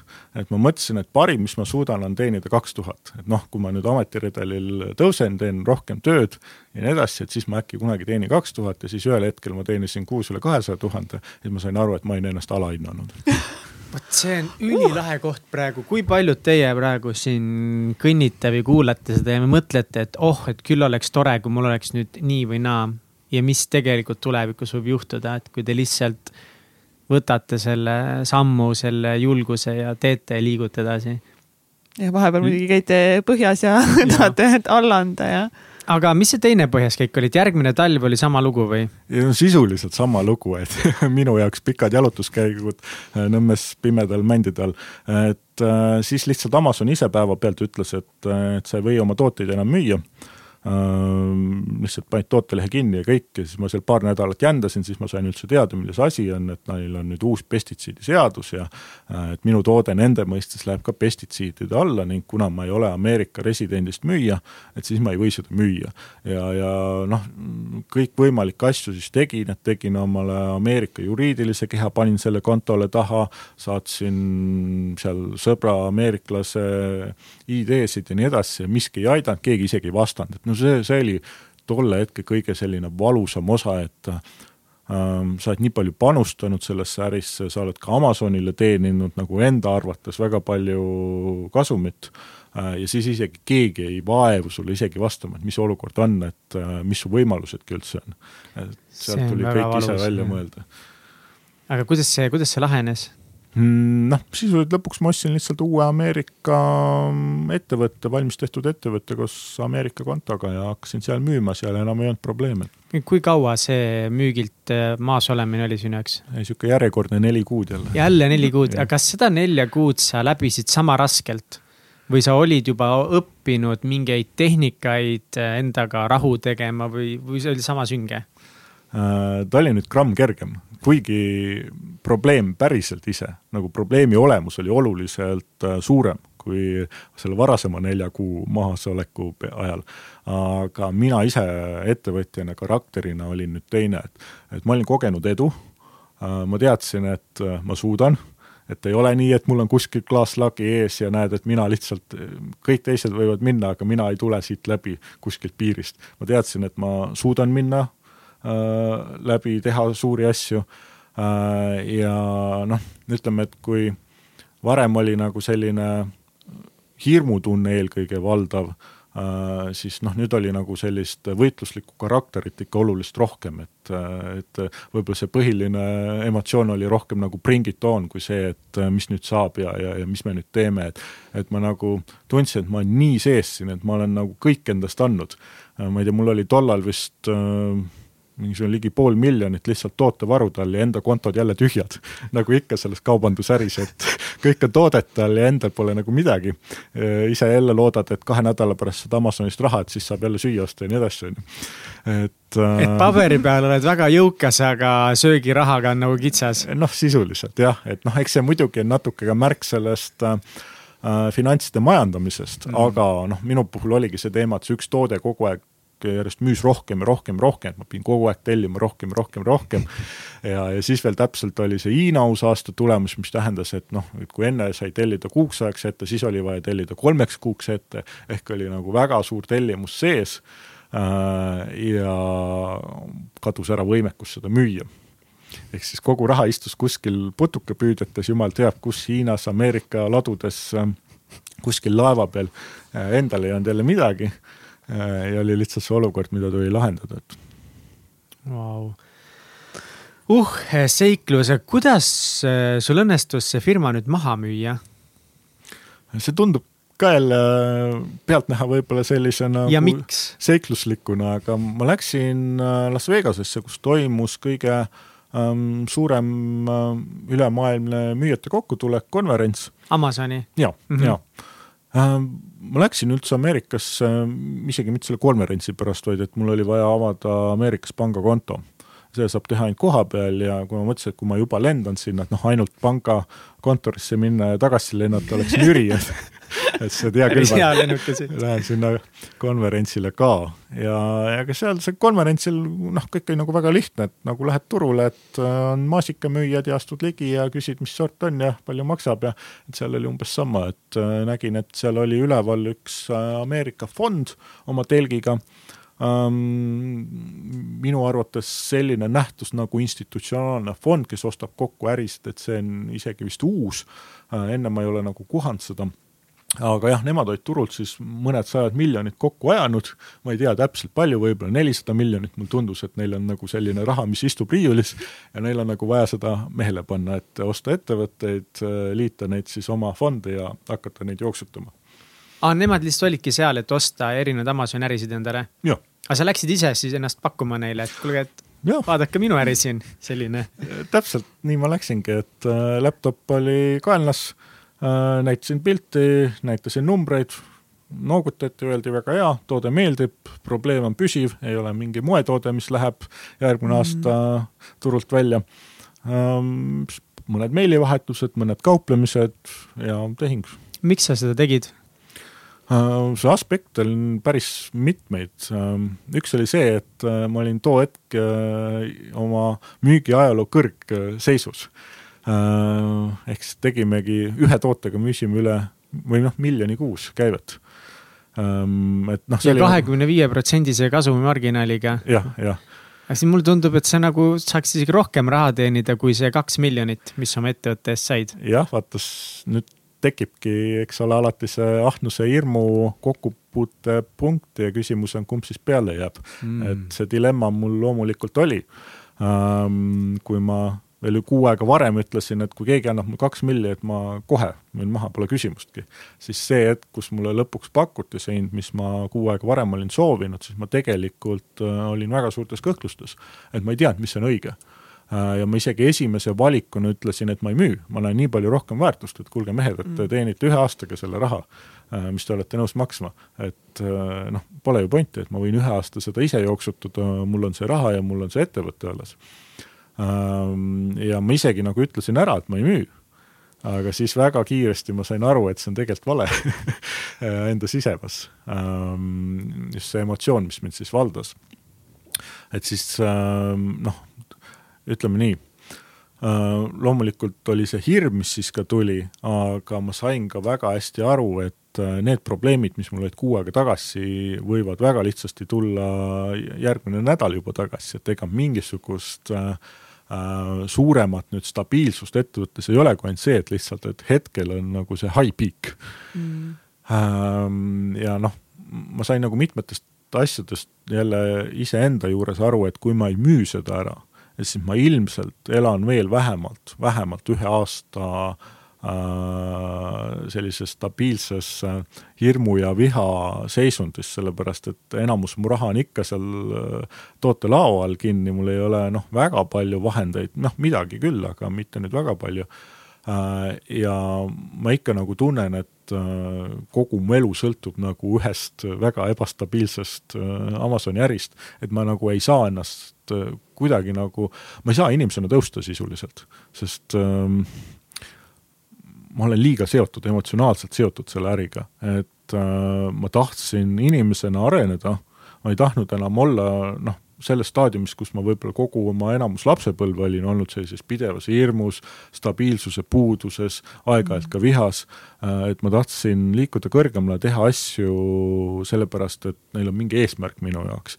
või mul on päriselt soov seda teha, mitte sellepärast, et noh, ma pean seda tegema või, või ma tõusen hommikul hirmuga, lähen kontorisse ja esimene mõte on ikka see, et et mis nüüd täna küll juhtunud on, et kas äh, tooted müüvad Amazonis või, või on jälle mingi jama Äh, et noh, see oli nagu enamasti esimene mõte kontorisse minnes, et kas täna on jälle mingi jama. ma tahtsin nagu sellest tundest lahti saada. Ähm, ja ma sain nagu täiesti reaal, reaalselt aru, et ega need riskid ei ole kuhugi ka kadunud. et see, et ma täna piigin, ei tähenda, et mul ei või kolmas staadium tulla selline äh, Nõmmes pimedal mändide all jalutamine ja sügaval enda sisse vaatamine ja, ja nii edasi, et et siis ma jah, tegin otsuse see ära müüa ja ma ei ole nüüd seda kordagi kahetsenud. mis siis edasi saab? millal, millal sa täpsemalt selle maha müüsid mm,? See tehing ise oli küll äh, septembri alguses, aga kõiksugu äh, üleandmisi, protokollimisi, raamatupidamist, et seda on saanud siin üsna terve sügis teha, nii et noh, minu jaoks see protsess oli küll vähe pikem. et nüüd ma alles nagu tunnen, et ma olen nüüd noh, siin, et raha on kontol ja rohkem nagu väga kohustusi ei ole, et raha on kontol. ja rohkem kohustusi ei ole mis tunne, mis tunne nüüd on, mis tunne on, Alvar, räägi meile nüüd no vot, see on ka alati see küsimus, et mis see tunne siis on. no ma ei tea, räägi. muidu on nagu ikka see, et ähm, terve elu mõtled, et kui saad raha, siis on kõik korras. siis on kohe kõik korras, kui ainult saaks sellele raha. ja siis, kui see hetk kätte jõuab, siis sa, siis tekib ausalt ütelda kohkumus isegi. sest äh, nüüd kaovad ära mingisugused äh, varasemad ähm, ettekäänded näiteks, miks sa ei saa õnnelik olla. vanasti oli ettekääne, et ma ei ole täna õnnelik sellepärast, et mul veel ei ole raha. aga kui on see raha saanud, siis ma olen kohe õnnelik. ja siis on raha kontoris ja saad aru, et noh, midagi pole ju muutunud, sa oled ikka seesama, sama junn edasi, mõtled neid samu mõtteid, ikka tunned mingisuguse suvalise asja pärast hirmu, kellegi peale oled jälle pahane ja nii edasi, et see noh kontol olev summa ei ole nagu midagi muutnud ja, ja siis on nagu freak out, et selles suhtes, et nüüd sa saad aru, et enam ettekäändeid ei ole, et, et nüüd sa pead nagu päriselt hakkama sellega tegelema või, või, või ütlemagi, et sa ei suudagi olla õnnelik näiteks või, või noh, või oledki niisugune tavapärane junn, kes äh, lihtsalt näeb enda nina otsa ja äh, ei suuda nagu maailma suuremalt äh, näha. vähemalt on kaks miljonit. jah. vähemalt on see, teistel pole seda, siis sul on vähemalt see ehk sa saad olla mugavalt äh, edasi oma sellises tavapärases äh, äh, ebaõnnetus olekus ja mis, mis sul siis järgmised plaanid on? leida õnnelikkus või? Ma olen nagu aru saanud, et need on kaks täiesti eri oskust, et üks asi on eesmärkide saavutamine ja teine on siis päriselt elu nautimine ja, ja ka õnnelik olemine, et et ongi täiesti eri oskused ja, ja seda ma praktiseerin ja õpin küll praegu, et äh, self-help'i läheb ikka kõvasti sisse. Äh, ja, ja noh, õpin siin mediteerimist, aga mitte nagu sellel moel, et ma nüüd äh, keskendun mingisugusele punktile või, või, või keskendun nagu hetkele ja, ja üritan nagu äh, juhtida kogu oma tähelepanu ühte kohta, sellega siis nagu kõik muud probleemid äh, justkui hajutada kõrvalplaanile, vaid noh, pigem nagu üritan nagu vaadata siis äh, kõigele sellele sinna vaiba alla kuhjunud nagu pasale otsa ja, ja, ja hakata sellega nagu vaikselt ükshaaval seda sealt välja pühkima ja vabastama, et et ma tahan, et nagu see minu tavapärane staadium, et, et see olekski neutraalne ja sealt edasi juba õnnelik, et, et noh, ma ei pea keskenduma sellele, et olla õnnelik, et mu tavapärane staadium ongi olla õnnelik. et noh, selleks ma näen, et ilmselt mul on vaja veel teha tööd endaga, lasta sealt lahti neid kolle, mis on keldrisse surutud. ja noh, siis ma ehk ei pea nagu äh, keskenduma nüüd sellele, et ja teha tööd selleks, et olla õnnelik, vaid, vaid see ongi nagu tavapärane olek. no see nüüd läks hirmus filosoofiliseks, aga noh. väga hea, see on ülihea. I love it. meile meeldivad.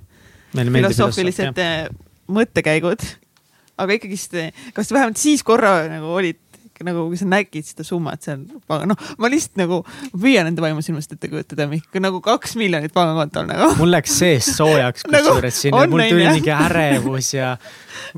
või nagu, kas, kas, siis... nagu, et see koht, et nagu noh, nagu jah, ma nüüd nagu ma olen midagi ära teinud, ma olen midagigi saavutanud, nagu mm -hmm. see vaev, mis ma näinud, oli väärt seda äh,? jaa, kindlasti, see tunne on olemas aga see ei olnud nii suur, kui ma arvasin. Mm.. et see ei olnud nüüd selline, et äh, nägu on peerul ja käin muudkui linna peal ringi ja, ja, ja nii ongi, et et loomulikult äh, ma nagu järjest rohkem üritan olla tänulik selle üle, et äh, vahel lähedki kontorist nii aru ja ära, et saad aru, et noh, tegelikult ei pea midagi tegema.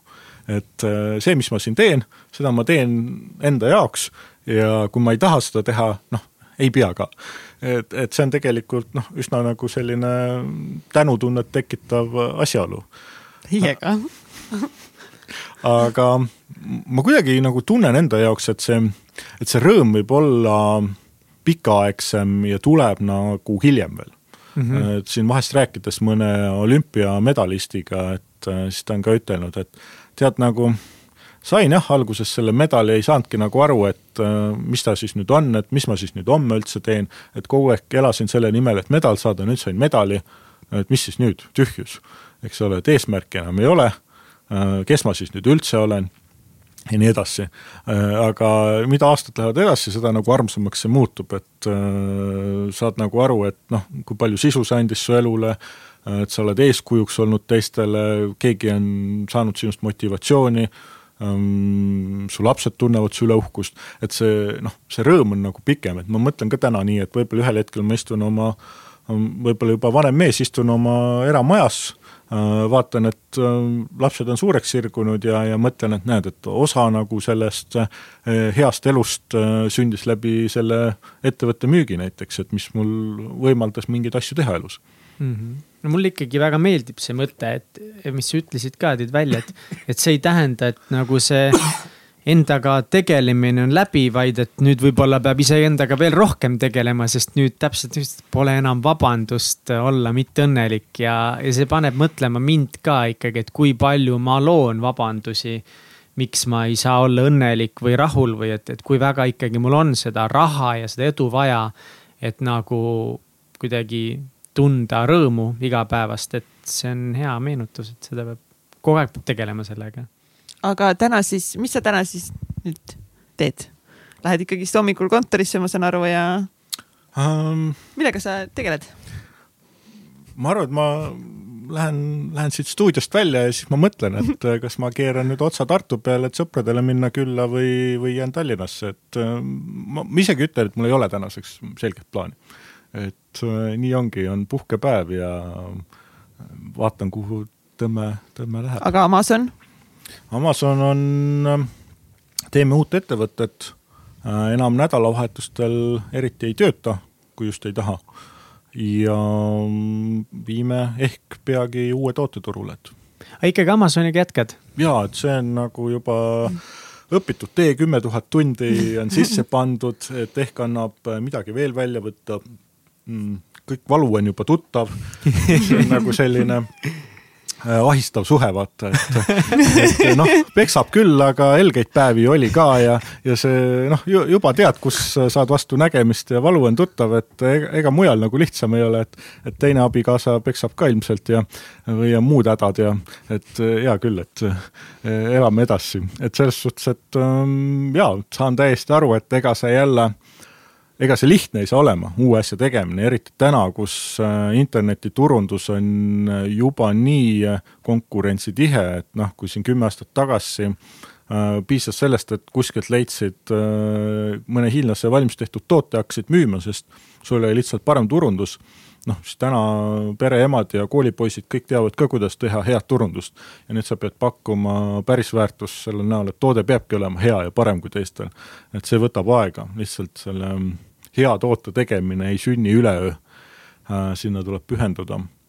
et noh, kindlasti see ei saa olema raske, tähendab, see ei saa olema kerge selles mõttes, et äh, see uus asi, ma ei looda, et äh, ma ei tea, et ma siin poole aasta jooksul juba ütlen, et oh, et uus äri huugab täiel rinnal. et ilmselt läheb rohkem aega. aga noh, seekord ma üritan siis nagu meeles pidada seda, et asjad võivad olla rasked ja lõbusad samal ajal.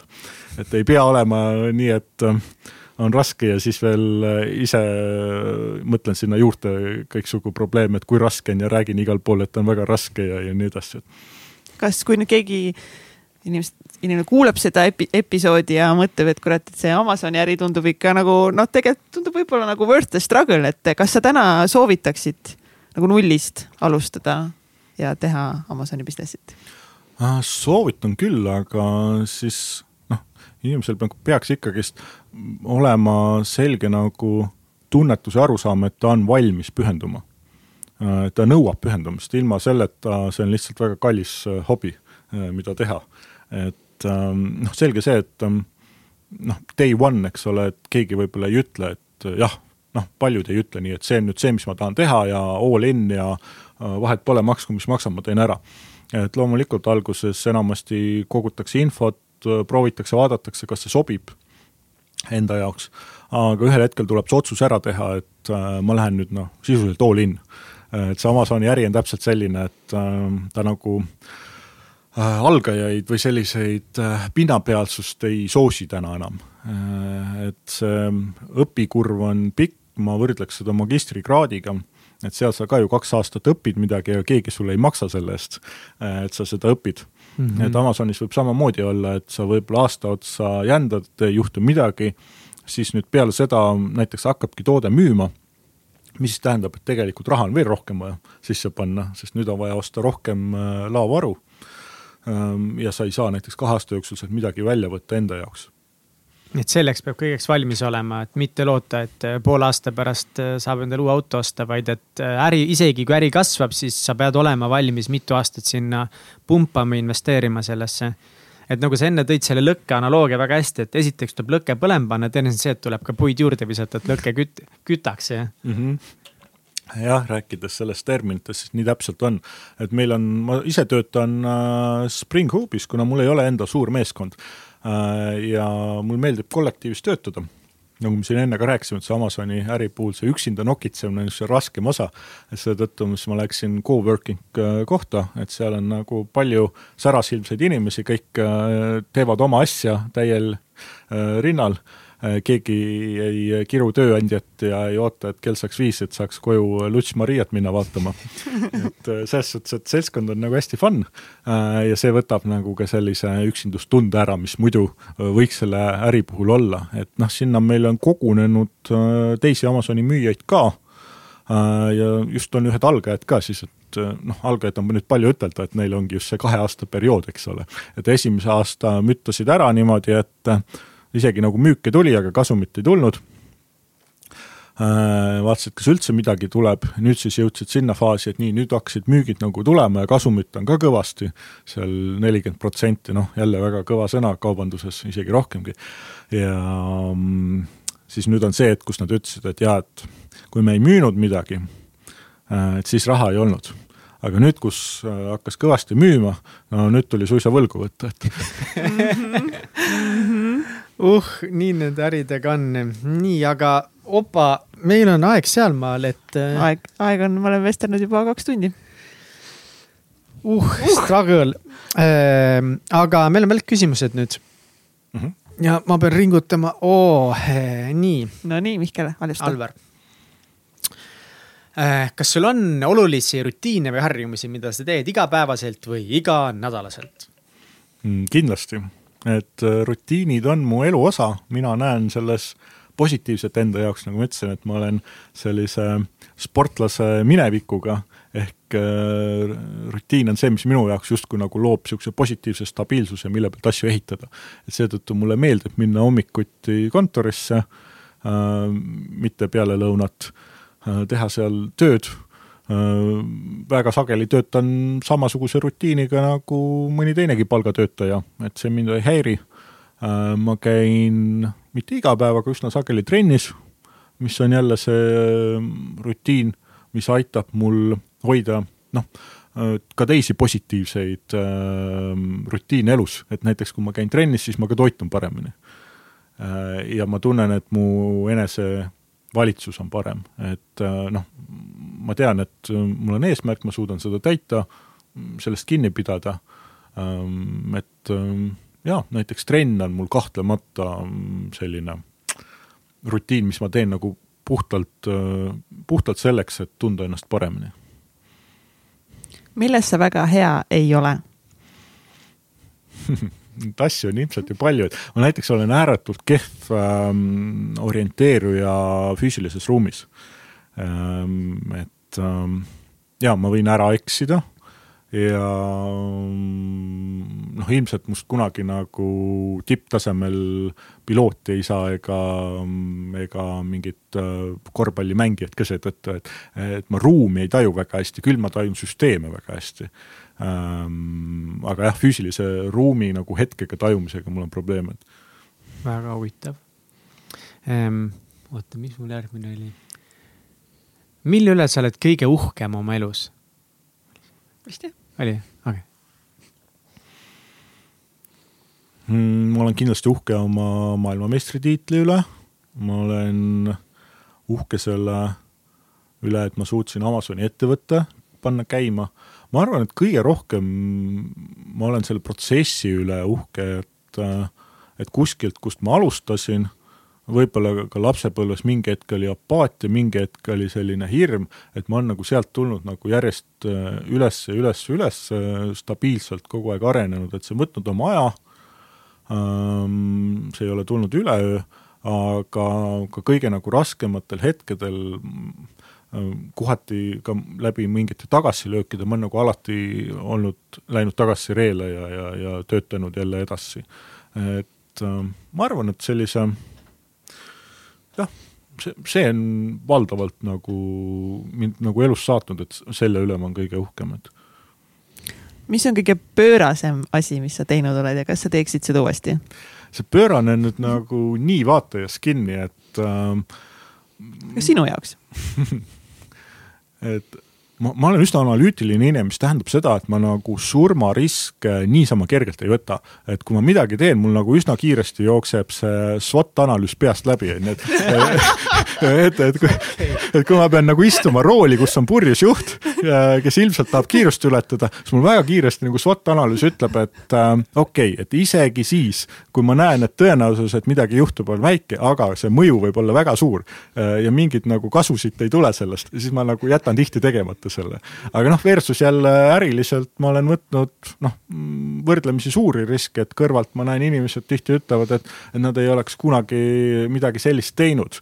Äh, ja mänginud nagu nii suurtele panustele, aga noh, samas seal ma jälle enda SWOT analüüsiga nagu olen tundnud, et asi on nagu see teenitav nagu lõpptulemus on seda väärt. ja, ja siis ma olen nagu teinud, et lennukist alla hüpates tegid ka SWOT analüüsi, jah? Kus, kusjuures nagu tõesti tegin, et, et ma nagu tundsingi, et seda on mul hetkel elus vaja. Ähm, et ma pean lihtsalt suutma lahti lasta, äh, hirmule vastu seista ja, ja see oli noh, see, see ei olnud see lennukist alla hüppamine langevarjuga ei olnud nagu selleks, et see tundus mulle äge, et see ei tundunud üldse äge, et see oligi puhtalt see, et ma tundsin, et nii, ma olen siin hirmus kinni, midagi tuleb teha, mida ma teen Mm, lennukist allahüppamine tundub äh, noh, üsna nagu selline reasonable, et, et, et see peaks nagu midagi ehk muutma, et hea küll, lähen teen. tegin kolm korda ära, noh, võiks minna tagasi, mingil põhjusel ei ole läinud ju ma pole siis põhjust näinud, et äh,. mis mu järgmine küsimus on? mis on edu võti? aa jaa, mis on edu võti, ma mäletasin mm. -hmm. Teet ei mäletanud ma arvan, et see lõpuks taandub mõnedele paarile asjale, et üks on kindlasti järjepidevus. Ehm, et noh, ükski hea asi üldjuhul ei sünni nagu üleöö. et ma ei tea, üleöö võid isegi lotomiljonäriks saada, aga kui su enda mindset ei ole paigas, siis see võib rohkem kahju kui kasu teha. et kõik head asjad äh, sünnivad läbi äh, rutiinse tegevuse üldjuhul et kas ta on siis eneseareng või, äh, või, või siis äh, finantsiline areng, mis iganes, et noh, seal taga on pikk töö alati. ja alati on tagasilöögid. et noh, ma arvan, et järjepidevus on üks number üks asi siin. siis alati ka nendest tagasilöökidest õppimine et noh, sa ei tee samu asju, et noh, sa võid olla lollilt järjepidev, eks ole et äh, noh, mida me ju tegelikult ka paljud teeme, et me oleme oma harjumuste ohvrid ja, ja teeme kogu aeg samu asju, oodame, oodame teisi tulemusi, äh, mida ei juhtu enamasti. Äh, et noh, ikkagist nagu teha järeldusi oma tegevustest ja, ja järgmine kord muuta, teha teistmoodi, aga ikkagist nagu hoida see järjepidevus, et liikuda edasi. jess, skaalal ühest kümneni, kui veider sa oled ma arvan, et keskpärasest natukene veidram. Ähm, mul on pisut see vajadus, et ma ei taha olla tavaline, et kui ma juba, ma ei tea, valin omale elukohta, siis on ka nii, et ma ei taha korterit, kus on lihtsalt äh, ristkülikuliselt üheksakümne kraadi all neli seina, et see peab nagu midagi olema erilist, et ma saan ütelda, see on nüüd minu koht, et, et teist sellist ei ole. Et pisut selline eristumise vajadus on mul olemas, samas kindlasti ülearu ekstsentriline ma ka ei ole, et siin jälle tuleb see SWOT analüüs kuskil lööb pähe ja killib ära mingisugused veidrused Äh, kas sa loed raamatuid ka? Äh, jaa, loen kindlasti. okei okay., mis on mõni äge raamat, mis sa lugenud oled või on mõni raamat mis on kuidagi aidanud mingi hetk mingi sammu edasi teha? See hästi oleneb, äh, kus tasandil sa ise hetkel oled, et mis su need äh, probleemid on ja vastavalt sellele siis, millised nagu tööriistad äh, sind hetkel aitavad. et kui ma äri alustasin, siis ma lugesin äh,, vist oli raamatu nimi The Millionaire Fastline oo, miljonäri kiirtee eesti keeles ka olemas? jaa, Peeter Pärtel äh, lasi selle ära tõlkida ähm,. et too hetk, kui ma olin ettevõtet alustamas, siis see oli nagu minu jaoks äh, väga innustav ja tõukav raamat.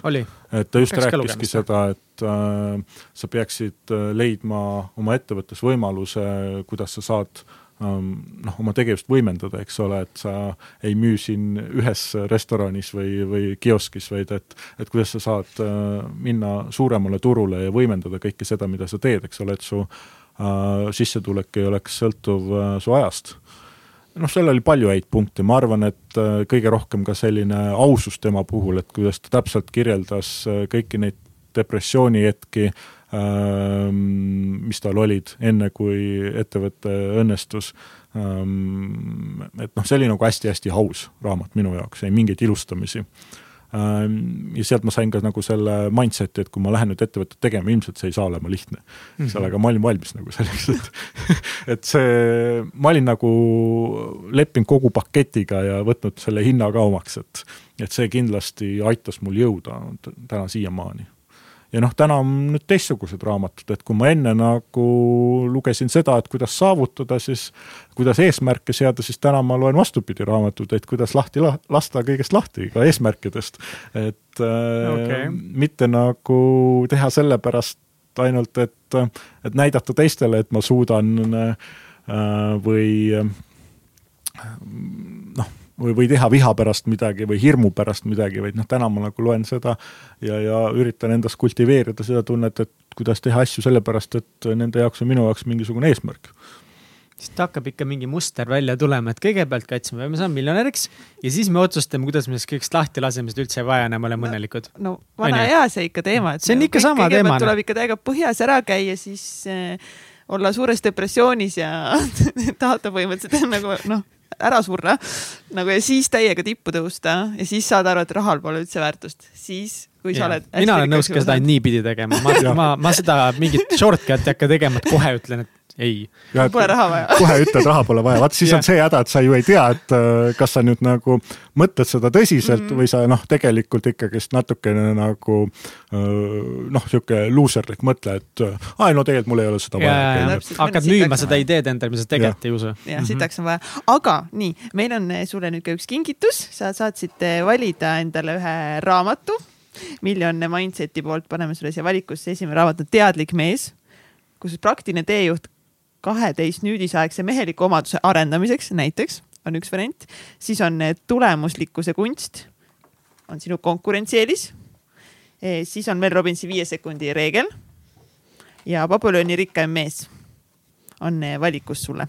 põnev kiire SWOT käib peast läbi käib, käib tõsi. mida ma olen lugenud, mis on võib-olla juba läbitud? nii, mis, mis sa oled Aa, lugenud? oota, aga kõigepealt korra, kui keegi ei tea, mis asi on SWOT analüüs, palun ütle meile, mis on SWOT analüüs? jaa, muidugi. noh, see on siis äh, selline ristkülik, kus sa paned äh, riskid, nende tõenäosuse äh, ja ka saadava tulu paned siis justkui nagu telgedele ja, ja vaatad, et ähm, kus siis see nagu sweet punkt on, et mida tasub teha ja mida ei tasu teha. mida need eh, tähed eh, SVOT kirjeldavad?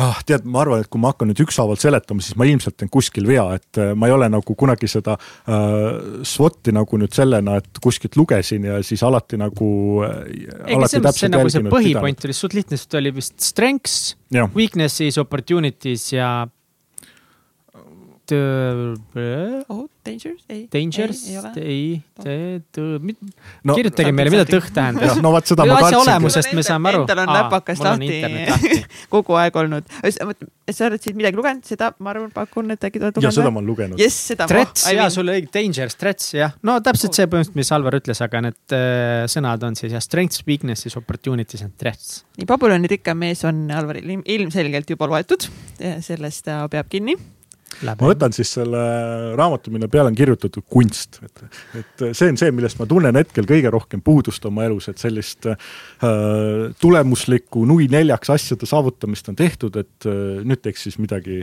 aga palun loe selle raamatu pealkiri uuesti ette endale. see kunstist on nagu hästi kaugel see on nagu tulemuslikkuse kunst, et see ikka. ma arvan, et see on täpselt see, mis sa just ütlesid no ma loen selle läbi ja siis ma annan teada, et. anna jah. super, see on jumala hea plaan. võtsid õhuks raamatu ka, saad kiirelt läbi lugeda, meile kohe review kirjutada, kuidas see, kuidas oli tulemuslikkuse kunst, aga ma kirjutan siia sisse ka väikse pühenduse. aga kus, kas meie kuulajad saavad sul kuidagi silma peal ka hoida sinu tegemistel? ma väga avalikkuse elutegelane ei olnud, Instagrami kontot ei ole loonud, aga tavaliselt ma kord aastas astun üles Amazoni müüjate Eesti konverentsil kus mul on oma traditsiooniline ettekanne, äh, iga kord küll olnud eri teemadel vastavalt sellele, kus ma ise hetkel olen. et äh, see on alati koht, kus ma väga hea meelega tutvun uute tulijatega ja nii edasi kes on juba ise Amazoni müüja, nendega me tavaliselt näeme suve- ja talvepäevadel. ehk need on olnud siis need kohad, kus ma olen nagu kõige rohkem ennast välja seadnud. ja siis meie saates siin nüüd ka see. nii tore. Alvar, täiega aitäh sulle, ülipõnev oli kuulata seda karusselli, kus sa oled olnud viimased paar aastat üles-alla, et äh, aitäh, et sa jagasid neid. täiega suur aitäh ja see on meil kaks tuhat kakskümmend aasta esimene saade, ma arvan, see on suurepärane inspiratsiooniallikas, millega oma aastat alustada ja siit võtta head õppetunnid ja mõtteterad endaga, endaga kaasa. Ja. õigus jah, meil on ju kaks tuhat kakskümmend praegu eh, just praegu ongi kaks tuhat kakskümmend. kas tuleb hea aasta, Alvar? kindlasti. kindlasti tuleb hea aasta. raske aasta tuleb. ma tean, mul tuleb väga raske aasta, aga väga hea aasta tuleb. täpselt, läbi raskuste tippu. Things can be hard and fun in the same time. just vot see on see, mida ma ei tohi ära unustada. aga yes. kallid kuulajad, aitäh teile ka ning eh, kui see episood jälle sind natukese inspireeris, siis eh, tead küll, mis teha tuleb. väike share kellelegi, kui sa jagad vähemalt ühe inimesega seda episoodi, siis me oleme, esiteks me oleme mega rõõmsad, sest ulmelahe on see, kui teile meeldib, mida te, mida me meis. teeme. ei no tegelikult täna mina ütlen seda, tänases episoodis siin praegu kohapeal, just praegu siin, ma ütlen sulle kõrvaauku, et tegelikult mul on hullult hea meel, kui sa kuulad, mul on, mul on ei, siiralt rõõmus. täiega hea meel, aga Võt. suurem väärtus on veel see, kui sa jagad seda edasi ja sinu hea sõber saab ka inspiratsiooni sellest ja kes teab, võib-olla see episood võib olla elumuutev tema jaoks. ja jah, see värk ka, see väike mida iganes nii et head uut aastat kõigile. head uut aastat. head uut aastat